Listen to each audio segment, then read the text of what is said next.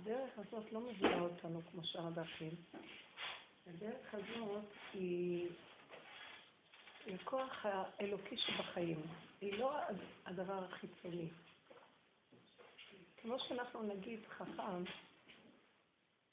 מה, מהי ההגדרה של אדם חכם? שיש בו נקודה קיולית של חוכמה. לא שהוא אומר דבר חכם, זה לא שהוא אמר את הדבר, אלא יש בו, כי גם כשהוא ישן ולא אומר כלום, אנחנו קוראים לו החכם, נכון?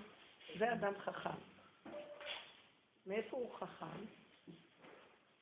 מכוח הנקודה שבעצם עצמותו יש חוכמה, נקודה אלוקית שבו היא חוכמה. הכוח היולי שבתוכו, לא יש כאן. זאת אומרת, העבודה שלנו היא לא עוד שכל, עוד הבנה, עוד השגה, שזה הענפים, מה שיוצא מהשורש. הנקודה שלנו, העבודה שלנו היא השורש. השורש הוא נצחי, הוא לא משתנה, והוא מתחדש כל רגע. יש לו חיות פנימית, החוק שלו נובע מתוכיותו. הוא לא דבר שנדרש מבחוץ, שזה וזה וזה, התוצאה תהיה זה. זאת אומרת שהדרך שלנו, כל הדרכים הן חשיבה טבעית. יש להם המון המון דרכים, והמון דיבורים, והמון קורסים, והמון אפשרויות. והכל זה מהחשיבה הטבעית. של הענפים, עוד ענף, עוד ענף, עוד ענף. אנחנו בעצם שואפים לרדת, גם אנחנו נמצאים בענפים, כי אנחנו גם שייכים בטבע של העולם. אבל כל השיעורים במשך שנים, ותראו איזה עמל והגיעה של שנים, בנות תמידות שנים להגיע. העבודה היא להיכנס פנימה, פנימה, פנימה, פנימה, פנימה, עד שמגיעים לנקודה השורשית של הדבר. בנקודה השורשית של הדבר יוצאים מהחוקים של הטבע. מה זאת אומרת חוקים של הטבע? לא נגיד חוקים של הטבע, מהפסיכולוגיות השקריות בטבע, שזה הענפים והריבועים וההתרחבויות, ומגיעים לשורש הנכון. מהו השורש? חי שנושא את עצמו. מה השורש שאנחנו מגיעים אליו? את לא צריכה להכין, לחשוב, להציג. את אומרת, ומתוכך נאמר דבר. את פועלת פעולה והפעולה מתוכה פועלת. הכוח האלוקי פועל. הוא כל הזמן מתחדש ונצחי. הוא הווייתי הווה. וכדי להגיע אליו, מה שקורה, אנחנו צריכים להתיש את המערכות הקודמות, שהן פועלות מכוח האינרציה וכוח הכוח וכוח הטבע, שהוא מנותק משורשו. אז הוא כבר מה שנקרא כדור שלג ש... שחי מהריבוי של נפילתו. חוק ההסתברות, זה מביא לזה, שמביא לזה, שמביא לזה, שמביא לזה, הנה מציאות. אבל המציאות הזאת היא לא קשורה לשורשה האמיתי. היא כאילו יצאה... אני, נורא קשה לי שבאים מתי שרוצים, רק אני יכולה לבוא מתי שאני רוצה. אחרי שבאתי, אף אחד לא יכול לבוא. ואם באים, תבואו בזמן. מה מעניין אותי חדשה ישנה? חדשה לא יכולה לבוא מתי שהיא רוצה. ועוד מתנשקת פה. אל תסתערי, לא מעניין אותי.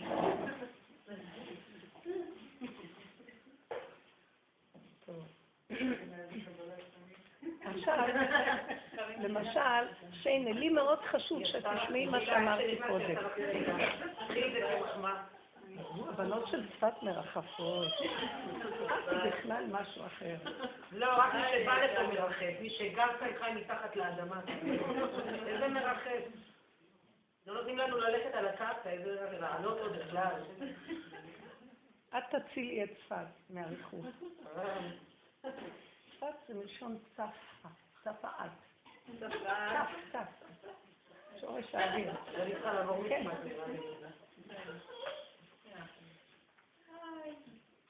שיינה, מה אמרתי עד עכשיו? אני חוזרת ואומרת, כי זה חשוב לי שאת uh, תהיי פה. אז תראו, עוד פעם, אני חוזרת תבינו לאן אני חותרת, ובזה אנחנו ניכנס לתוך המהלכים של הדרך. הדרך שאנחנו מדברים בה ושנים, קשה מאוד להבין אותה, כי אנחנו באים מדרך הטבע. אז נראה לנו זה עוד דרך, זה עוד שיטה, עוד זה. אבל השיטה שלנו, היא סותרת את כל השיטות, היא הולכת הפוך מכל השיטות. לכאורה היא נראית נפש, והיא מדברת בדרך הטבע והשכל, אבל היא חותרת למקום אחר. בעוד כל דבר שפועל, הוא פועל ומתקדם, אנחנו הולכים ונחסרים, אנחנו הולכים ונהיים פחות, עד שמגיעים מתחת לאדמה, כמו שהיא אומרת. מתחילים מהצפייה וההשקפה, ואחר כך יורדים, יורדים, יורדים, יורדים. נתתי דוגמה. המילה חכם, הוא לא נקרא חכם על שם שהוא אומר דבר חוכמה. החכם, המושג חכם נקרא חכם על שום הכוח שיש בתוכו שמתחדש כל הזמן, והוא כל הזמן בגדר שהוא מחדש דבר שלא קיים קודם. איזה הוא הרואה את הנולד. כלומר, גם אם הוא אישה נקרא לו חכם, נכון? גם אם הוא לא ידבר באותו רגע, נקרא זה אדם חכם, ידוע לנו. מה זה נקודת החוכמה שבו? הוא קשור לכוח האלוקי שבדבר. הוא קשור להתחדשות, הוא קשור לכוח הדק שיכול להבחין בין השקר לאמת. בסדר? אז הוא מדייק כל הזמן. בעוד שאחרים לא כל כך, הוא יחד פינג פונקט. איזה הוא חכם, הרואה את הנולד. בראייה רגילים לא רואים, והוא רואה, כי יש לו איזו נקודה פנימית שכל הזמן יודעת להבדיל. אז על הדבר הזה קוראים זה האדם חכם. שימו לב, העבודה שלנו מביאה אותנו למקום הזה. המקום הזה זה מקום שאנחנו הולכים ומסלקים את החשיבה הטבעית שהיא מתחלקת, היא עץ הדת. שבגן עדן, שהם היו לפני החטא, היה להם את הכוח הזה, החיבור לנקודת החוכמה. אדם הראשון, כתוב, היה עקבו מכה גלגל חמה. מרוב שהוא היה, העקב שלו היה מכה את החמה. הוא היה יותר מאיר מהחמה. מהחמה. והיה רואה מסוף העולם עד סופו. כלומר, הוא היה רואה את הנולד, הוא היה רואה דבר ויודע מה שורשו, שורשו, שורשו, עד הקצה שלו, ויודע הכל בשנייה אחת. חוכמה אלוקית הייתה בתוכו. שכינה הייתה לך בתוכו. והחטא של אדם הראשון קטע את הדבר הזה, וכאילו הכניסו למוח שלו תוכנה חדשה. משקפיים אחרות שדרכם הוא רואה את המציאות. והתוכנה הזאת, אנחנו הרבה עבדנו עליה, הרבה הגדרנו אותה ולמדנו אותה מהי. כי אדם צריך, על מנת לצאת מהמקום הזה, הוא צריך להכיר איפה הוא נמצא בכלל כדי לצאת ממנו. והנקודה שלנו שראינו, היא מחולקת לשניים, טוב ורע, כן ולא, תמיד הדואליות, והעיקר ותוכן התוכנה, כי גם דואליות הייתה קודם בבריאה, היה יום והיה לילה, כן? היה אור והיה חושך, לפני שאדם חטא. לא היה משמעות טובה או רעה לדבר הזה. היה מקום, הכל היה מושלם. בא עץ הדת, והמחשבה שלו זה דמיון. התהייה שלו והיסוד שלו הוא דמיון. אנחנו מדמים את עצמנו, רוצים להידמות לאלוקים, לא יודעים מה זה, אבל כל הזמן שואפים להגיע, וייתן כאלוקים. כל הזמן רוצים להיות אלוקים. אבל מאיפה אתה יודע מה זה אלוקות? לא, אלוקות זה עוד מעט נגיע, וזה שם. ואלוקות זה טוב, וכן, הפוך ממנו זה רע. שימו לב איך אנחנו חושבים בטבע. מאיפה את יודעת? האלוקות ברא גם טוב וגם רע, והוא שניהם גם יחד. אבל הרע, שעץ הדת נותן פרשנות, הוא לא הרע של שם. למשל כתוב, תבינו, זה דבר מאוד דף, כתוב, יוצר אור ובורא רע. בישעיה, ובתפילה כתוב יוצר אור בורא חושך. עושה שלום ובורא את הכול, הוא עושה שלום בין שני הפכים. אבל באמת, השם בישעיהו כותב יוצר אור ובורא רע. וכי השם ברא רע, כי מפי עליון, באיכה כתוב, מגילת איכה, מפי עליון לא תצא הרעות והטוב. אז אין מצב של רע ואין מצב של טוב אצל השם. יש מצב. בא עץ הדת אומר, זה טוב, זה רע. הוא לקח את המצבים בבריאה והוא מקטלג ומסדר אותם. החשיבה הזאת היא חשיבה פסולה, ולכן אנחנו אומרים שכיום אנחנו מברכים על הרע, ברוך דיין האמת, ועל הטוב, הטוב והמיטיב. לעתיד לבוא נגיד על הכל הטוב והמיטיב, גם על הרע. מה זה לעתיד לבוא? שהתפיסה של עץ הדת תיפול, אז הכל טוב, כל מה דוד הרחמן על עשיו אביב, מה הבעיה? היום זה לא ככה, התפיסה שלנו היא אחרת. אז למדנו את המערך, איך נראה העולם, וכל הזמן אנחנו בורחים מהרע ורוצים להיות טוב. עכשיו, אנחנו לא כל כך ברור לנו מה זה רע ומה זה טוב, כי הדורות הראשונים שאכלו מעץ הדת, היה נראה להם שעבודה זרה זה טוב. הם לא ידעו אפילו שזה עבודה זרה, הם ראו, אם נחשוב ככה, אז זה טוב. למשל, דור אנוש, אני מתרחבת טיפה, בסדר? דור אנוש, עשו, זה נקרא דור, הוא המציא את עבודות זרות. הוא לא חשב להמציא עבודה זרה. מה הוא חשב? הוא אמר ככה. הוא אמר לכל האנשים שכבר התחילו לשכוח מה זה השם, כי הם התרחקו מתחילת הבריאה. אז הוא אמר, אתם רואים את השמש? מי ברא את השמש? יש השם שברא את השמש. אז אנשים אמרו, אה, יש מי שברא את השמש, אבל הם כבר, הוא הצביע להם שיש שמש. אז עכשיו, הם לא יכלו לראות את הבר הלא מוחש, הם ראו שמש, אז עכשיו התחילו לעבוד את השמש. כאילו, היא השמש של השם. אז הם, היא מוחשית לנו, אז נעבוד אותה, וככה גם נגיע את השם. אז הם לא, הם עזבו את המופשט, האמונה המופשטת, שזה אי אפשר לתת להשם צורה, אבל הוא ברא מלא צורות. אז הם אמרו, אין לנו רק שאנחנו רואים צורות. והצורה, זה כנראה השליח, אז התחילו לעבוד את השליחים. התחילו לעבוד את הצורות, וככה התחילה להיות עבודה זרה. עכשיו, הוא חשב מחשבה טובה למעשה, אבל המהלך שהוא סידר את הבריאה, זה, הוא החזיר אותה לחיצוניות, ואנשים התחילו להתאפס בנקודות חיצוניות. עכשיו הם לא חשבו שהם עושים רע, אבל השם לא ברא רע, אבל איך שהם התחילו לחשוב, נהיה רע. הבנתם מה אני מתכוונת? הם הגשימו את המופשט, עזבו את המהלך המופשט שאין בו השגה, והתחילו להיצמד לדברים מוחשיים. וככה המופשט הפך להיות מוחשי. וזה גדר של עבודה זרה. זה עבודה זרה. עכשיו, השם לא ברא.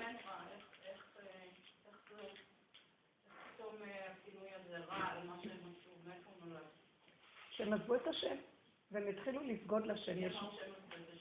כי הם התחילו לשים, הם ציירו את השמש, עשו פסלים של שמש, השתחוו לשמש, הכל היה שמש, דוגמה. החיים שלהם התחילו לפתח אמונות דמיוניות, תפלות, בעניין של השמש, מה שנוגד את השמש. כשהשמש שקע הם נבהלו וחשבו שעכשיו באים רוחות רעות וכל מיני דברים. זה הדמיון התחיל לפרוח. שיטה הזאת היא שייכת לעץ הדת. דמיונות, השגות, הבנות, אה, ואז נהיה שיטות. הם ראו את זה מקור השפע, וזה לא מקור השפע, הקדוש ברוך הוא מקור השפע. אז אמרו, מה שהרבנית מתכוונת, הם ניתקו, הם ניתקו את הכוח הזה מהיסוד שלו, מכוח כל הכוחות, ועבדו אותו ככוח נפרד. אבל זה בעיניי מתבונן, זאת אומרת, אם אנחנו רואים בחזרה של פעולות חיצוניות כניצור, אז לקרוא לזה ניצור, ואנחנו עושים, זה לאו דווקא שהם היו במקום הזה. לא הבנתי. אני אומרת, הם עשו רצף של פעולות. הדרך שלהם הייתה לעבוד את השם דרך החיצוניות. זה לא לעבוד את השם, לעבוד את השד. כי יש הוראה בתורה, והם לא ידעו, לא הייתה להם התורה. לא הייתה להם התורה. התורה אומרת שלא לעשות פסל ולא כל תמונה ולא שום תבנית. רגע, כי ברגע שאתה בטבע הזה של עץ הדת, אחר כך באה התורה וסידרה את הבריאה, כי הבריאה הייתה מלאה שטויות והבלים. אז התחיל להיות רע בעולם, אלפיים שנות תוהו של רע. אנשים עשו שטויות, והרגו, ורצחו, והמבול, והבלגן בעולם נגמר, כי מה אני רוצה להגיד לכם? כשאדם הולך אחרי הדמיונות שלו והמחשות, שאומר, אל תחשבו שאנחנו רחוקים מהם, רק רגע, על זה אני חותרת כמובן. כשאני לומדת, מלמדת את החשיבה היסודית, בואו נפרט מה נקרא עבודה זרה, ונראה איפה אנחנו הולכים. זאת אומרת שאת לוקחת את הדבר הגשמי, נכון שיש לך ידיעה שמאחוריו יש השם, אבל שכחת כבר את הידיעה והכוח הטבעי כל כך משכיח ממך שהוא מהלך של אה, גירוי ותגובה והשתלשלות ומתרחק ומתגלגל ומשתלשל עד שאת שוכחת מהשורשו ואת נאחזת בחיצון. בואי ניקח את המילה פרנסה. נכון שאת יודעת שהשם נותן את הפרנסות, וממנו השפע והברכה. אנחנו ביהדות כבר קיבלנו תורה, כן? אבל תראו איך אנחנו נראים אחר הפרנסה. אנחנו מבוהלים, חרדים, דואגים, אנחנו מתחנפים, אנחנו אה, עושים כל מיני עבודות שהם יוצאים מגדר, אנחנו פשוט כמו שמים את הגוף הזה על, על המולך, כאילו אנחנו מתאבדים, ולפעמים עובדים מדי קשה ולחצים, הכל בשביל להצדיק את הקיום של הפרנסה. האם זה לא סוג של עבודה זרה, דוגמה. לקחנו את הערך שנקרא קיום, ועשינו ממנו כל כך גדול, התנתקנו מהשורש שמחיה את הקיום הזה, וממנו הברכה.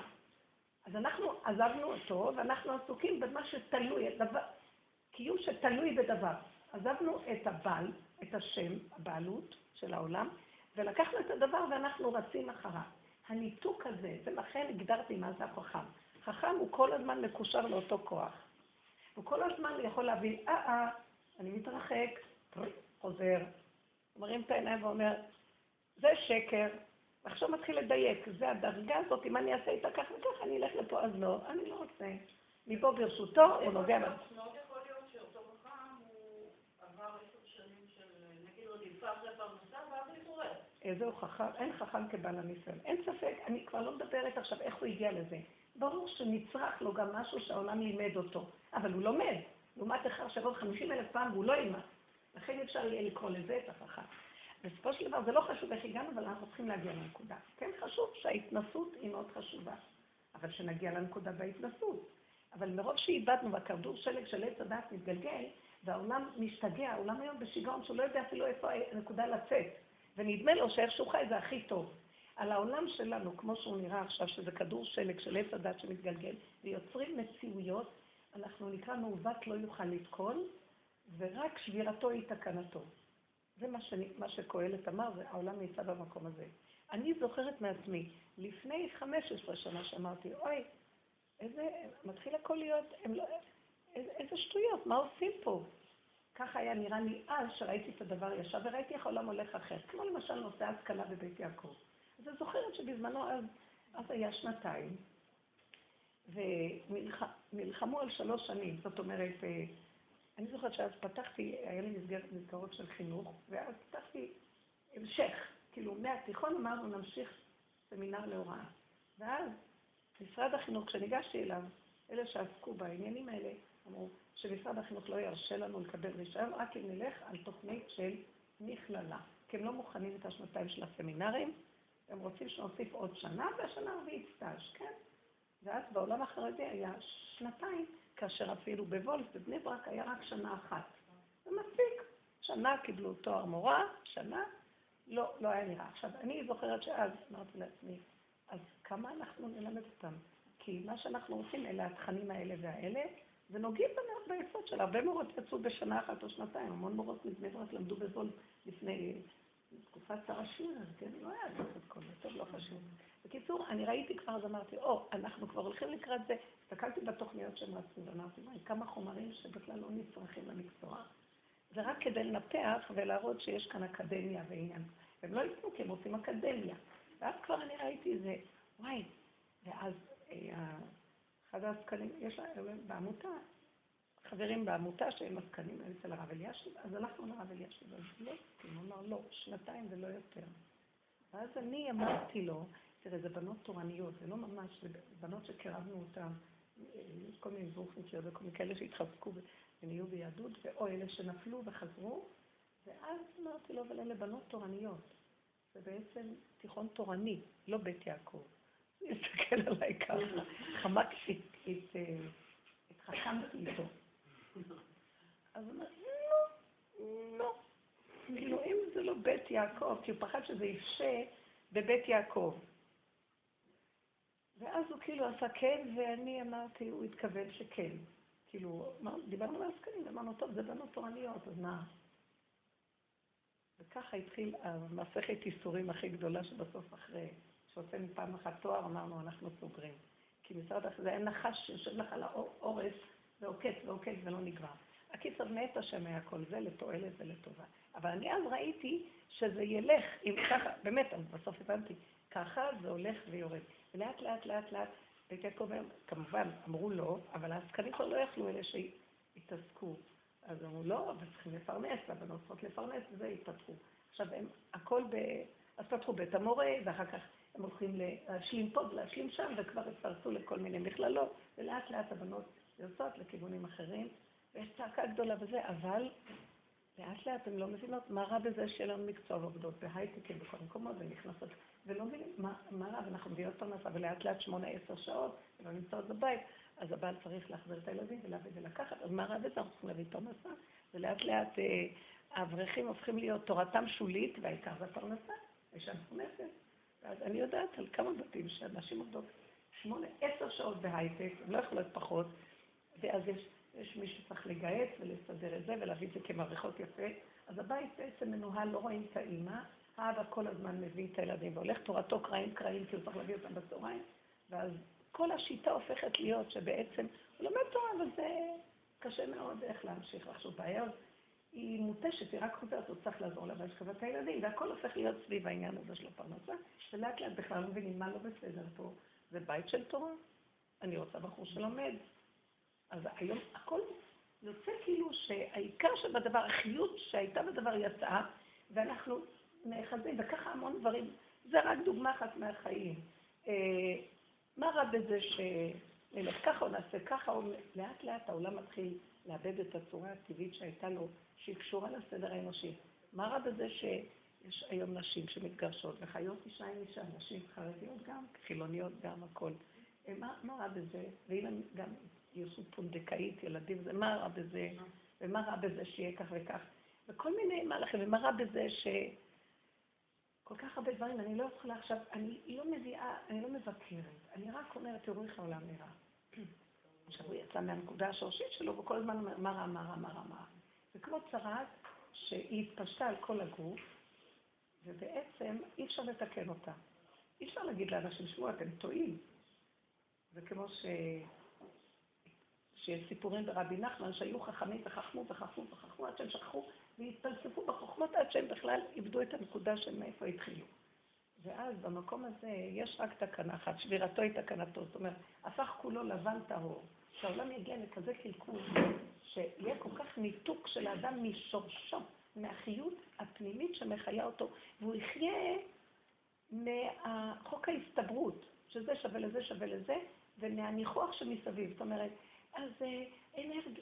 כוח האנרציה, כוח העצבים, כוח התגובה גוררת תגובה ופעולה גוררת תגובה, ומזה יש איזה חיות מסוימת. אדם קם, כוח אנרגטי ששודד לו את החיות האמיתית, בסופו של דבר, או שחלילה, מחלות מתרבות, חולשות קורות, המציאות היא מתרחקת מהשורש שלה, הענפים מתפשטים, טווח של יער ובאמת אין לא דובים ולא יער ואין כלום ודמיון, והעבודה שאני עושה הפוך, אנחנו לוקחים את הכל אחורה, אחורה, אחורה. בואו נסתכל על השקרים שלנו, הפגמים. ניקח דוגמאות מה אנחנו עושים פה בעבודה. כי העבודה הזאת היא רק בתוך החיים, בתוך העולם. אתה לא יכול לצאת מהשקר הזה אם את לא, אתה לא מזהה את השקר הזה בעצמך, שאתה חי אותו בעצם, ונותן לו איזה נקודת איפוק והכרה, ואז אתה מפחד, מצטמצם, חוזר אחורה, וחי שאתה מפחד ללכת בשיטה של כולם. זה ועוד זה ועוד, אבל נתקדם, בואו נתקדם, אנחנו לא רוצים. לא, ההתקדמות הזאת לנו לרועץ. אנחנו מתחילים לצמצם את הכוחות פנימה. נהיים קטנים, הפוך מהעולם. פעולה קטנה נראית לנו הרבה. מישהו אומר לך משהו ואת... בני הבית, בוא נגיד, יש מיליון דוגמאות, ואת אה, רוצה להגיד, השכל הטבעי זה, שמתם לב, אנחנו ניתחנו אותו. מתחלק לשתיים, הוא רוצה תמיד להגיע, שואף להתגדל, כי עוד מעט הוא יהיה אלוקים. אה, אף פעם שום דבר לא מספיק לו, כי תמיד יש, מתחלק לשתיים, עבר ועתיד, אז יש עתיד, יש עוד, עוד, עוד, עוד, עוד, וכל זה אינו שווה לי, זה התסמונת של המן, מה שלא נותנים לו לא מספיק לו כלום, וכל הזמן בתוחלת ממושכה שהיא מחלה את הלב, הנפש לא יכולה להכיל את המהלך הזה, כל הזמן הוא רודף אחרי משהו שהוא לא משיג אותו. כי אם הוא השיג אותו, יוצא עוד איזה משהו אחר, הוא מוציא אותו. זה לא נגמר. המהלך הזה שאנחנו מתבוננים עכשיו, מישהו מבני הבית מעליב אותי, אישה, בעלה אומר לה איזה דבר, דבר ראשון, קודם כל, אה, היא מאוימת ממה שהוא אמר, מרגיז אותה. למה, מה מרגיז אותה? אנחנו ננתח. אולי יותר טוב שאתם תיתנו איזה דוגמה ואני אנתח אותה. אבל אני יכולה סתם להגיד דוגמה פשוטה, בוא, אחר כך תיתנו דוגמאות. אז הוא מעליב, הוא אומר לה, מה עשית כל היום? כאילו, מה את... אה? אז הוא נורא נפתע, מה? וישר היא מצטדקת, רוצה, ורוצה להשיב אותו על מה שהוא אומר. זה התסמונת של האדם הראשון, ברגע שאוכל מעץ הדעת, הוא התכסה, הצדיק את עצמו, והאשים את אשתו, היא נתנה לי, זה לא אני, אני לא מספר. זה תסמונת של הנחש. הוא מאוים ממה? מזה שהוא לא מתקדם והוא לא טוב והוא לא עוד מעט יהיה אלוקי. אתה עכשיו מראה לי שאני כמעט, אני לא אלוקי. שזה מושלמות. אז היא ישר מתגוננת, והיא מחזירה לו ורוצתה שהוא יבין שזה לא כמו שהוא חושב. העבודה שלנו היא הפוך. אנחנו הולכים לא טוב ככה. כי הוא יגיד מילה, היא תגיד מילה, בסוף מישהו מהם, כלל הוא יגיד, אין עם מי לדבר, הוא רץ, הולך. והיא נשארת כאובה, אנחנו נסתכל בעצמנו ואנחנו נראה. השתעבדנו, השתעבדנו לשיטת חשיבה שהיא גורמת לנו את הסבל. זה לא הוא. הוא רק היה גירוי קטן שמראה לי איך אני נראית ואיך אני חושבת, ובוא נטפל בתורת החשיבה. אז הוא אמר, מה עשית כל היום? נכון. מה עשית? מה זה המהות של הדבר? זה אווירי, אווירי. נכון, כל היום לא עשיתי כלום, עשיתי פעולות תפקודיות. אבל זה לא... חוץ מזה, מה אכפת לי מה הוא חושב? כן עשיתי, לא עשיתי. חפשו את נקודת האמת. נקודת האמת שבאמת יש צדק בדבריו. אולי הוא בא להגיד לי מאת השם, לא אולי, הוא בא להגיד לי מאת השם, את רצה רצה, עושה המון אבל לא עשית כלום, כי את לא נוגעת בשורש של הדבר. אולי זה מסר מהשם. מה עשית? מה החיים שלך זה הפעולות? אולי הוא לא יחשוב ככה, אבל אנחנו יודעים מה הוא חושב. יש כאן איזו נקודה שאני יכולה להשתמש בה ולבנות את עצמי דרכה ולהתיישב לי בשמחה ובטוב לבב, ומה אכפת לי מכולם בעצם? מתחילה להזין את עצמי, אני יורדת מהעץ הזה שכל הזמן שואף קדימה, והוא מאוים, וכל היום נלחם, וכל הזמן הוא בחרדה, הוא רוצה לרצות את השני, או שהוא מתקיף את השני. אה, אה, אנחנו מגיעים למהלך שאנחנו, למה כל הצורה הזאת של החיים שלנו? לאן היא הולכת? שיהיה לנו עוד קצת כסף שנעשה מה? או עוד קצת תארים שמה? שעוד יהיה זה ועוד יהיה זה ועוד יהיה זה, ולאן זה הולך? זה התכנים שלנו, כי הם, הם מלווים בהמון חרדה ובהמון אימה מהעולם, וחקיינות, והרבה מה יגיד השני, והם לא בחינה של חורי, בן חורי, חירות. המקום הזה הוא מאבד לנו את החיות האמיתית מהשורש. מהו השורש? שאיך שזה ככה זה בסדר. אתה יכול לעשות פעולות. והחוכמה לא תבוא מהפעולות שאתה עושה, החוכמה תבוא מהקשר של האמת שלך עם נקודת החיות, מקור החוכמה, שורש הדבר, שממנו אתה דולף, מבית האוצר שממנו אתה דולף מה שאתה צריך, ולא מכל הדברים שמסביב. אז אדם כזה מתחיל לראות. השני מראה לי שאם אני מאוימת, אני הולכת לא נכון. הוא אמר דבר שיגיד, מותר לו להגיד, שיגיד מה זה קשור. אני אקח איזה נקודה שאולי דרכו השם מראה לי שאני הולכת לא נכון. אז בסדר, תודה. אם היינו חיים ככה ונרגעים, ומחפשים את עצמנו, ורואים איך אנחנו נראים, זה המון עבודה, כי מאוד קשה לאגו הזה, לדמיון של עץ הדת, שזו המילה הכוללת, האני הדמיוני, הישותי, שחושב שהוא משהו, והוא הגנב הכי גדול. כי החיות שלה, ששוכנת בתוכנו היא המקור של האני הנכון, הבחינה. אבל כל השאר לא. אז אם היינו מתבוננים ככה, היינו מתחילים להגיד, אני לא רצה בכיוון הזה. איך שזה ככה, אני הולך ככה, ואני נכנסת למעמד של חוזק הלב, לא המוח הזה של הענפים, אלא יורד יותר לשורשים. כדי לרדת לשורשים חייבים לרדת מהמוח ולהגיע ללב. ליבנו חלש מאוד, כי אנחנו מאוד בענפים, ואנחנו צריכים לרדת לעניין של הלב. הלב הוא חזק, הוא מתומצת, הוא תמצות הלב, כל הדמים זורמים בו, חוזק, נפש, חוזק, אמת. מה זה הנפש? הכוח שהוא הכי קרוב למציאות, אבל הוא עדיין קצת היולי, הוא רוחני טיפה, הוא לא ממש הבשר. הדם הוא הכי קרוב לבשר, אבל הוא עדיין הכוח ההיולי שבתוך הבשר. ממצח. הממצע, שממנו בעצם אני יכול להיות קשור לכוח האלוקי, אבל גם לעולם, ולא להיות מנותק. זה כוח טוב. לא מרחף באוויר, כוח טוב. המהלך הזה עוד פעם יורד יותר, יותר לזה, בסוף אנחנו מגיעים לצד של השורשים. מה שאת אמרת שנהיינו עייפים, העייפות היא טובה מאוד. למה? אנחנו מותשים מהמערכת של העץ הזה, והענפים שלו. אנחנו גמורים, אבל הבני אדם לא מחוברים למהלך הזה, ואז הם מאבדים את הקשר עם החיות הטבעית הפשוטה, ואז נחלים. ברגע שיש ניתוק בין שתי האנרגיות האלה, גוף נפש, נחלים, נהיים חולים, חלשים. אוכל אותנו משהו, זה הכוח, זה, ש... זה הנחש, שהוא מסתעף, עף לו באוויר. אז אנחנו צריכים לחזור למציאות. אז העייפות שאת מתארת היא טובה. התעייפתי מה... התעייפתי ממך. עייפתי מהווכחנות. התעייפתי מהשיטה של העולם. זה במילים אחרות התעייפתי. מי שנהיה כזה חלש אומר התעייפתי, הוא צריך להיות שמח שהוא התעייף. ואז הוא לא, אנחנו באמת לא באנו כאן לרוץ, לא באנו כאן לסדר פרנסות, ולא באנו כאן לעשות כאן עולם. באנו לנשום, לחיות, להתענג מהחיות האלוקית שנמצאת בעולם, ולא יחסר לנו דבר.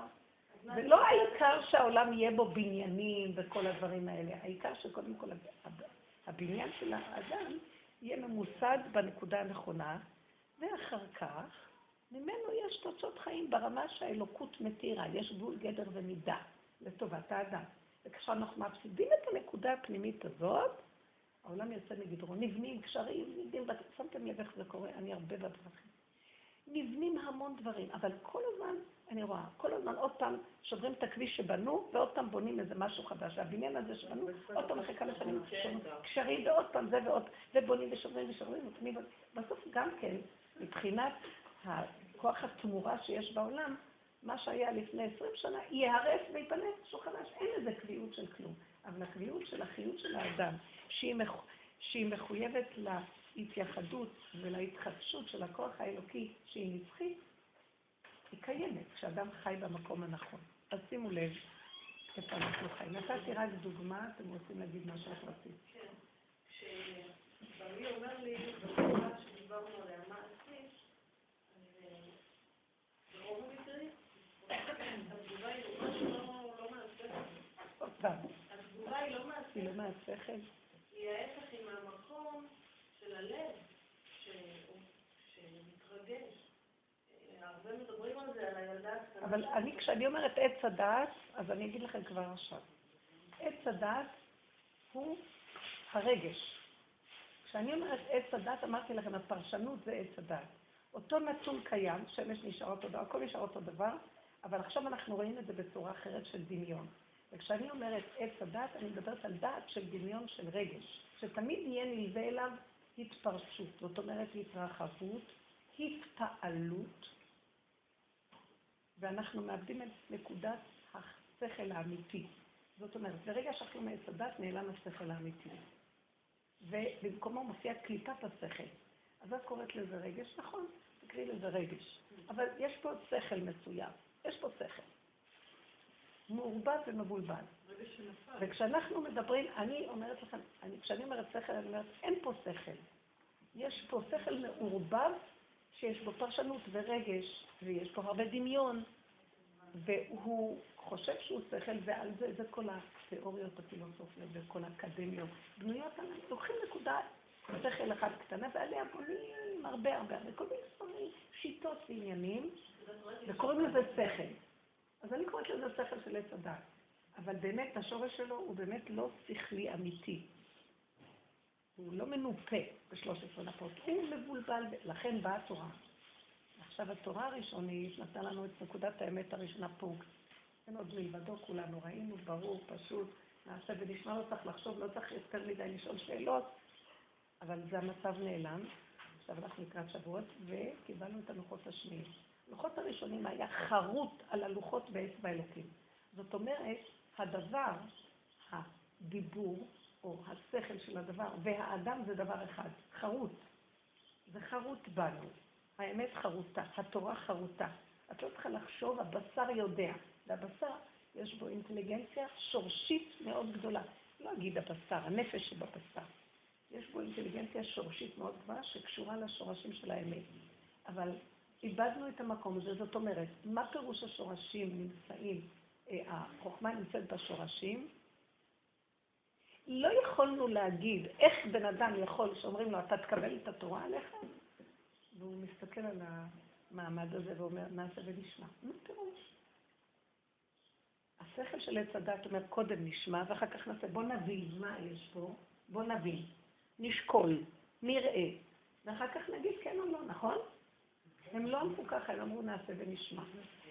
השכל האמיתי שרה אז, והחושים ראו את האמת בפשטות.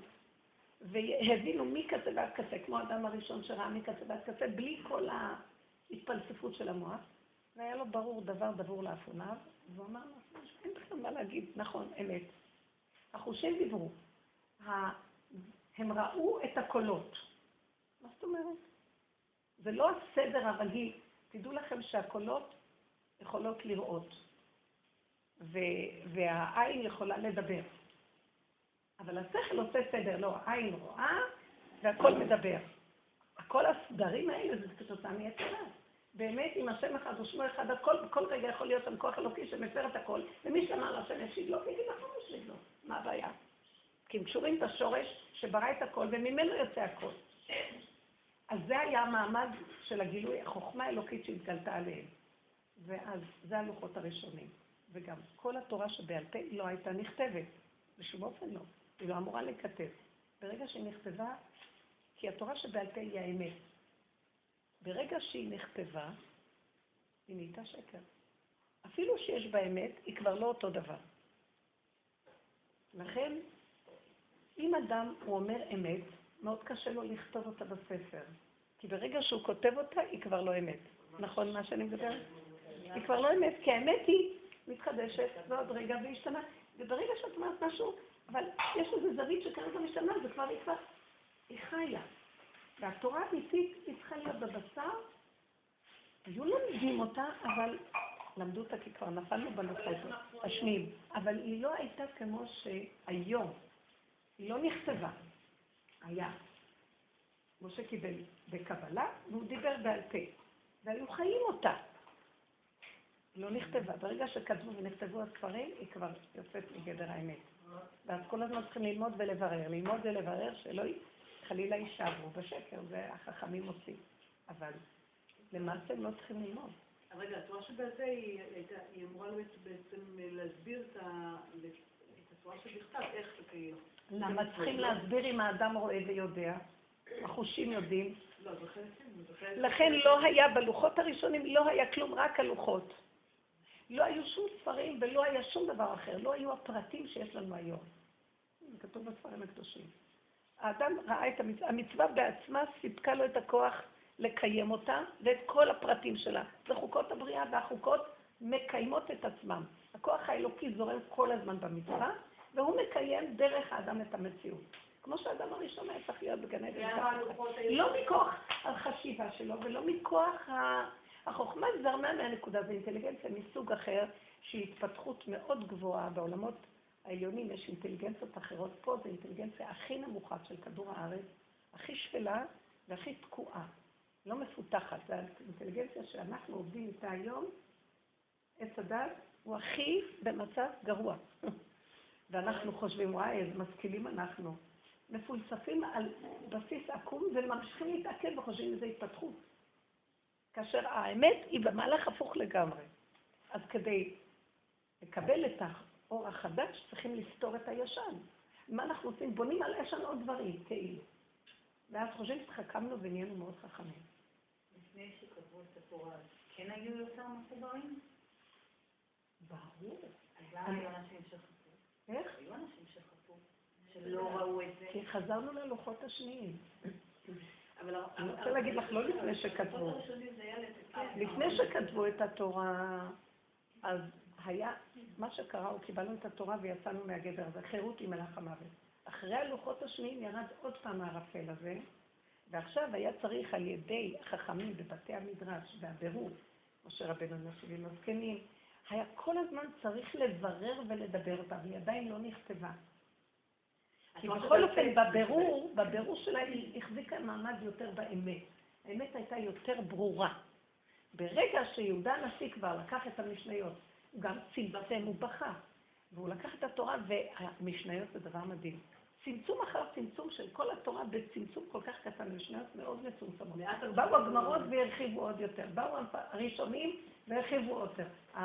הגמרות על ידי התנאים, אחר כך האמוראים, אחר כך הגאונים, ואחר כך הראשונים והאחרונים, וכל הזמן מפתחים, מפתחים ויוצאים מגדר האמת.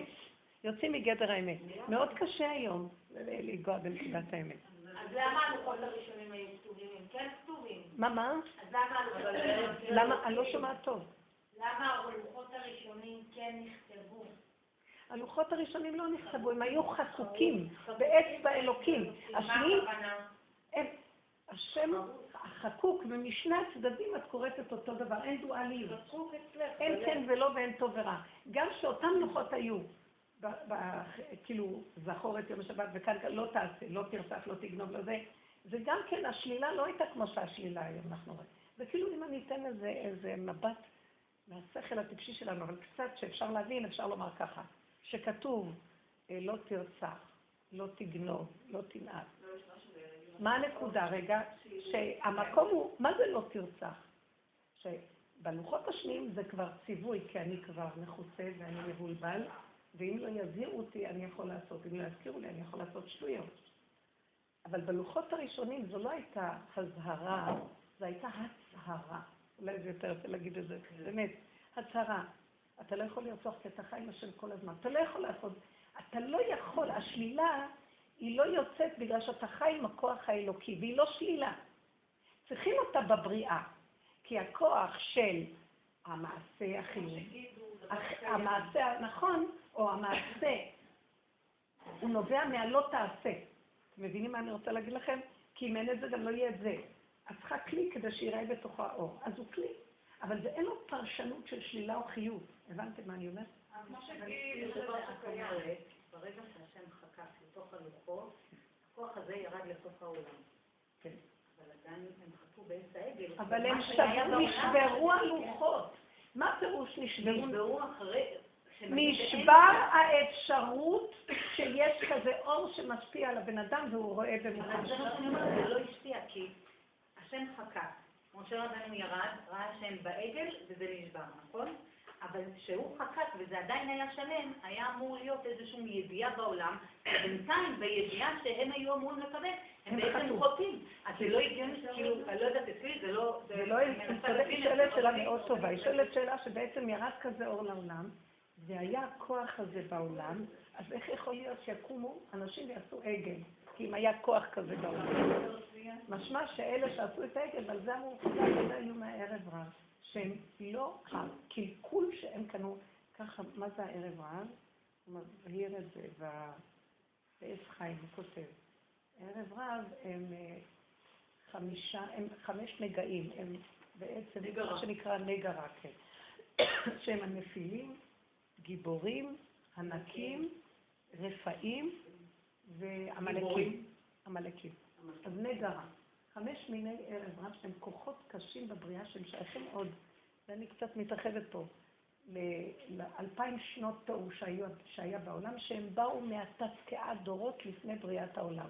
זאת אומרת שהקדוש ברוך הוא צמצם את האור שלו וברא בריאה כדי שיהיה, כדי שיהיה גלי הבריאה, כי האור שלו, כל דבר שהוא ברא, האור הזה הת- התחבר אליו בחזרה ולא היה ניכר מציאות של כלי. אז היה צריך לצמצם את האור שלו ולהחשיך.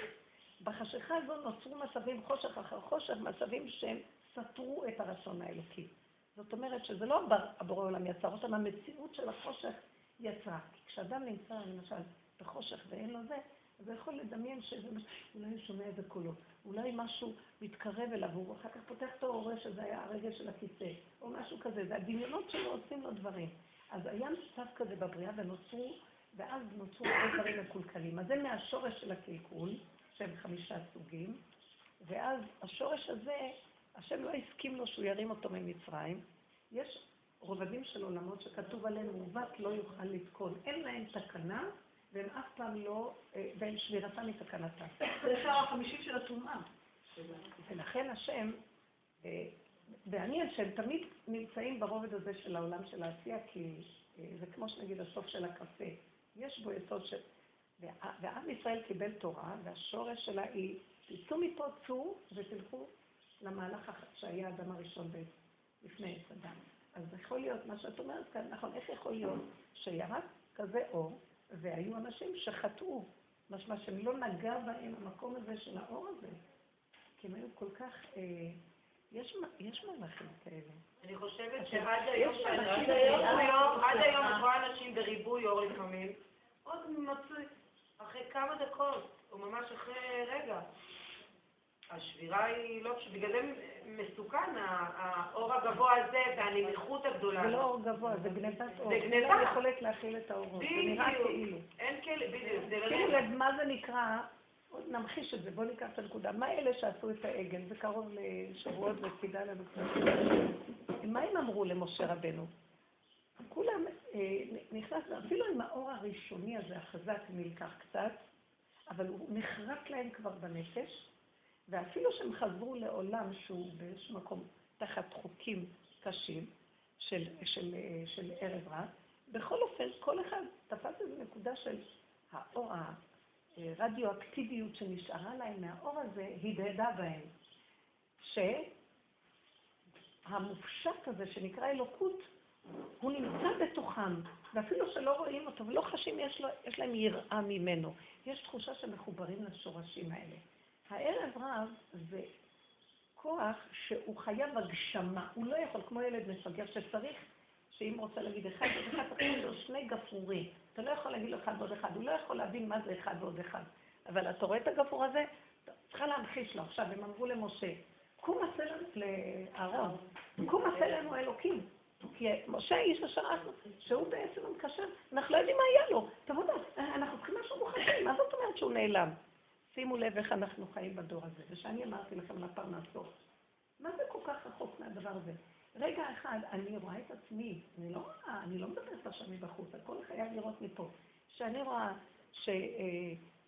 שמישהו, יש לי איזה סכום כסף, עכשיו, פתאום, ותכננתי זה לזה, זה לזה, ופתאום בא אחד מבני הבית, הוא אומר, אני צריך סכום לזה וזה, ופתאום אני לרגע נבהלת, אני תופסת את זה בדקויות כבר, אני נבהלת, אה, רגע, אבל אני תכננתי שזה ילך לזה וזה לזה, ואם אני אתן לך, ואפילו יישאר לי קצת במעטפה, אבל אם אני אתן לך אז לא יהיה לי, ואז אני מרגישה את החוסר ביטחון שלי, אה, כי במוחש אני רוצה משהו מוחשי שייתן לי מעמד.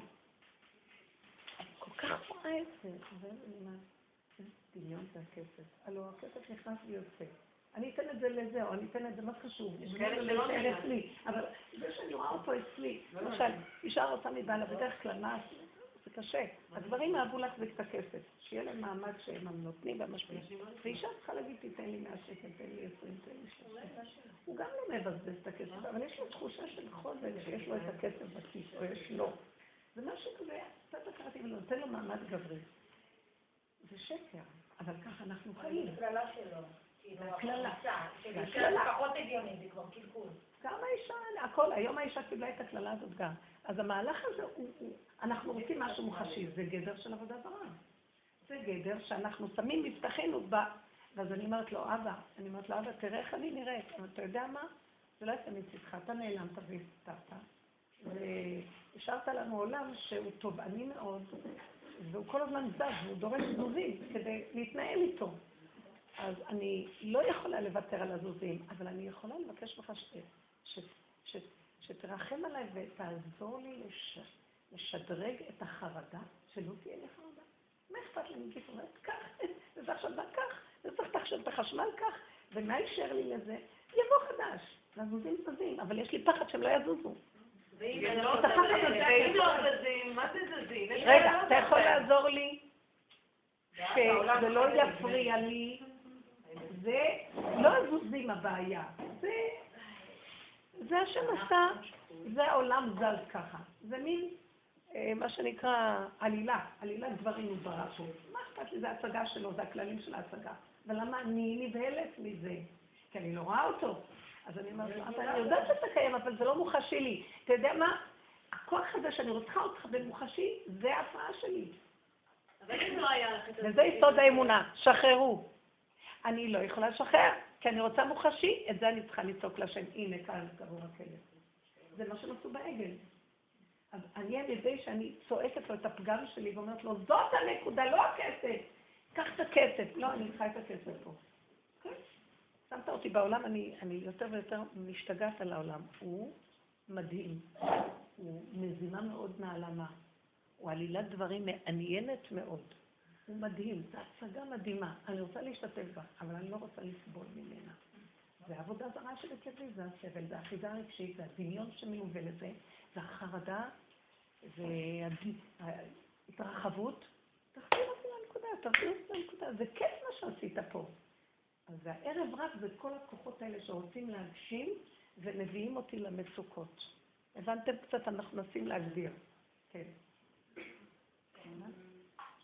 רות, יכולה לחמם לי את זה תודה רבה.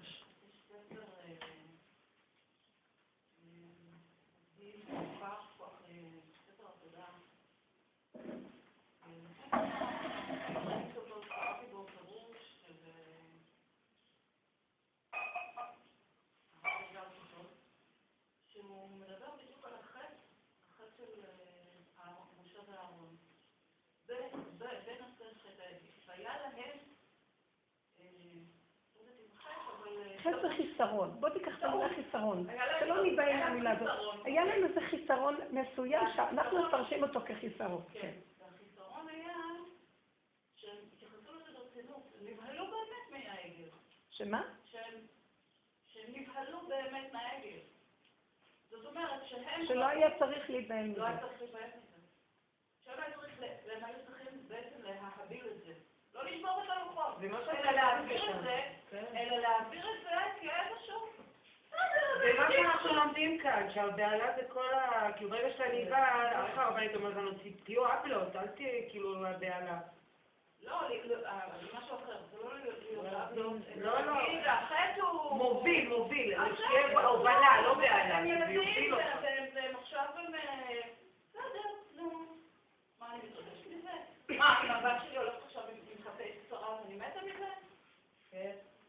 לא, לא מתה לא רוצה את זה. ואני לא, אבל אני חושבת שזה לא מספיק רק המקום הזה, צריך גם להתחבר אליו באותו רגע. לא עשית את זה עם חיבור, אז באמת זה המקום של יאללה להעביר וזהו. זה כן חיבור, זה הכי חיבור. אם אתה אומר, העם שלך, העם שלנו זה עם נעלה, והוא עכשיו באיזה קטנות מוחין, אז למה זה לא חיבור? עכשיו אני- אתה כבר לא יודע אם אתה עדיף כי לא אכפת לך, או כי אתה... לא, אני רוצה אולי להסביר, אני יכולה אולי כאן לתת, אני נהנית מה... אבל למה אני לא נבהלת? בגלל שאני מבינה שהשם הוא גדול. השם הוא גדול, וה- וה- וה- והרע הזה גדול עליו. הרע הזה הוא לא הוא לא איזה משהו... אני איך את מתחברת אותו ומעבירה את זה. הוא אוי ואבוי, משהו שהולך לאכול אותנו. זה לא, מאוד כלום. יפה, אבל יש כאן נקודה, זה שאלות טובות, ואנחנו שואלים אותן בסוף הדורות. אנחנו צריכים להבין שהם היו בתחילת תיקון החטא של, אה, אלפיים שנות אה, תוהו, ואז הגיעה התורה, מסכם את המצב של אלפיים שנות תוהו.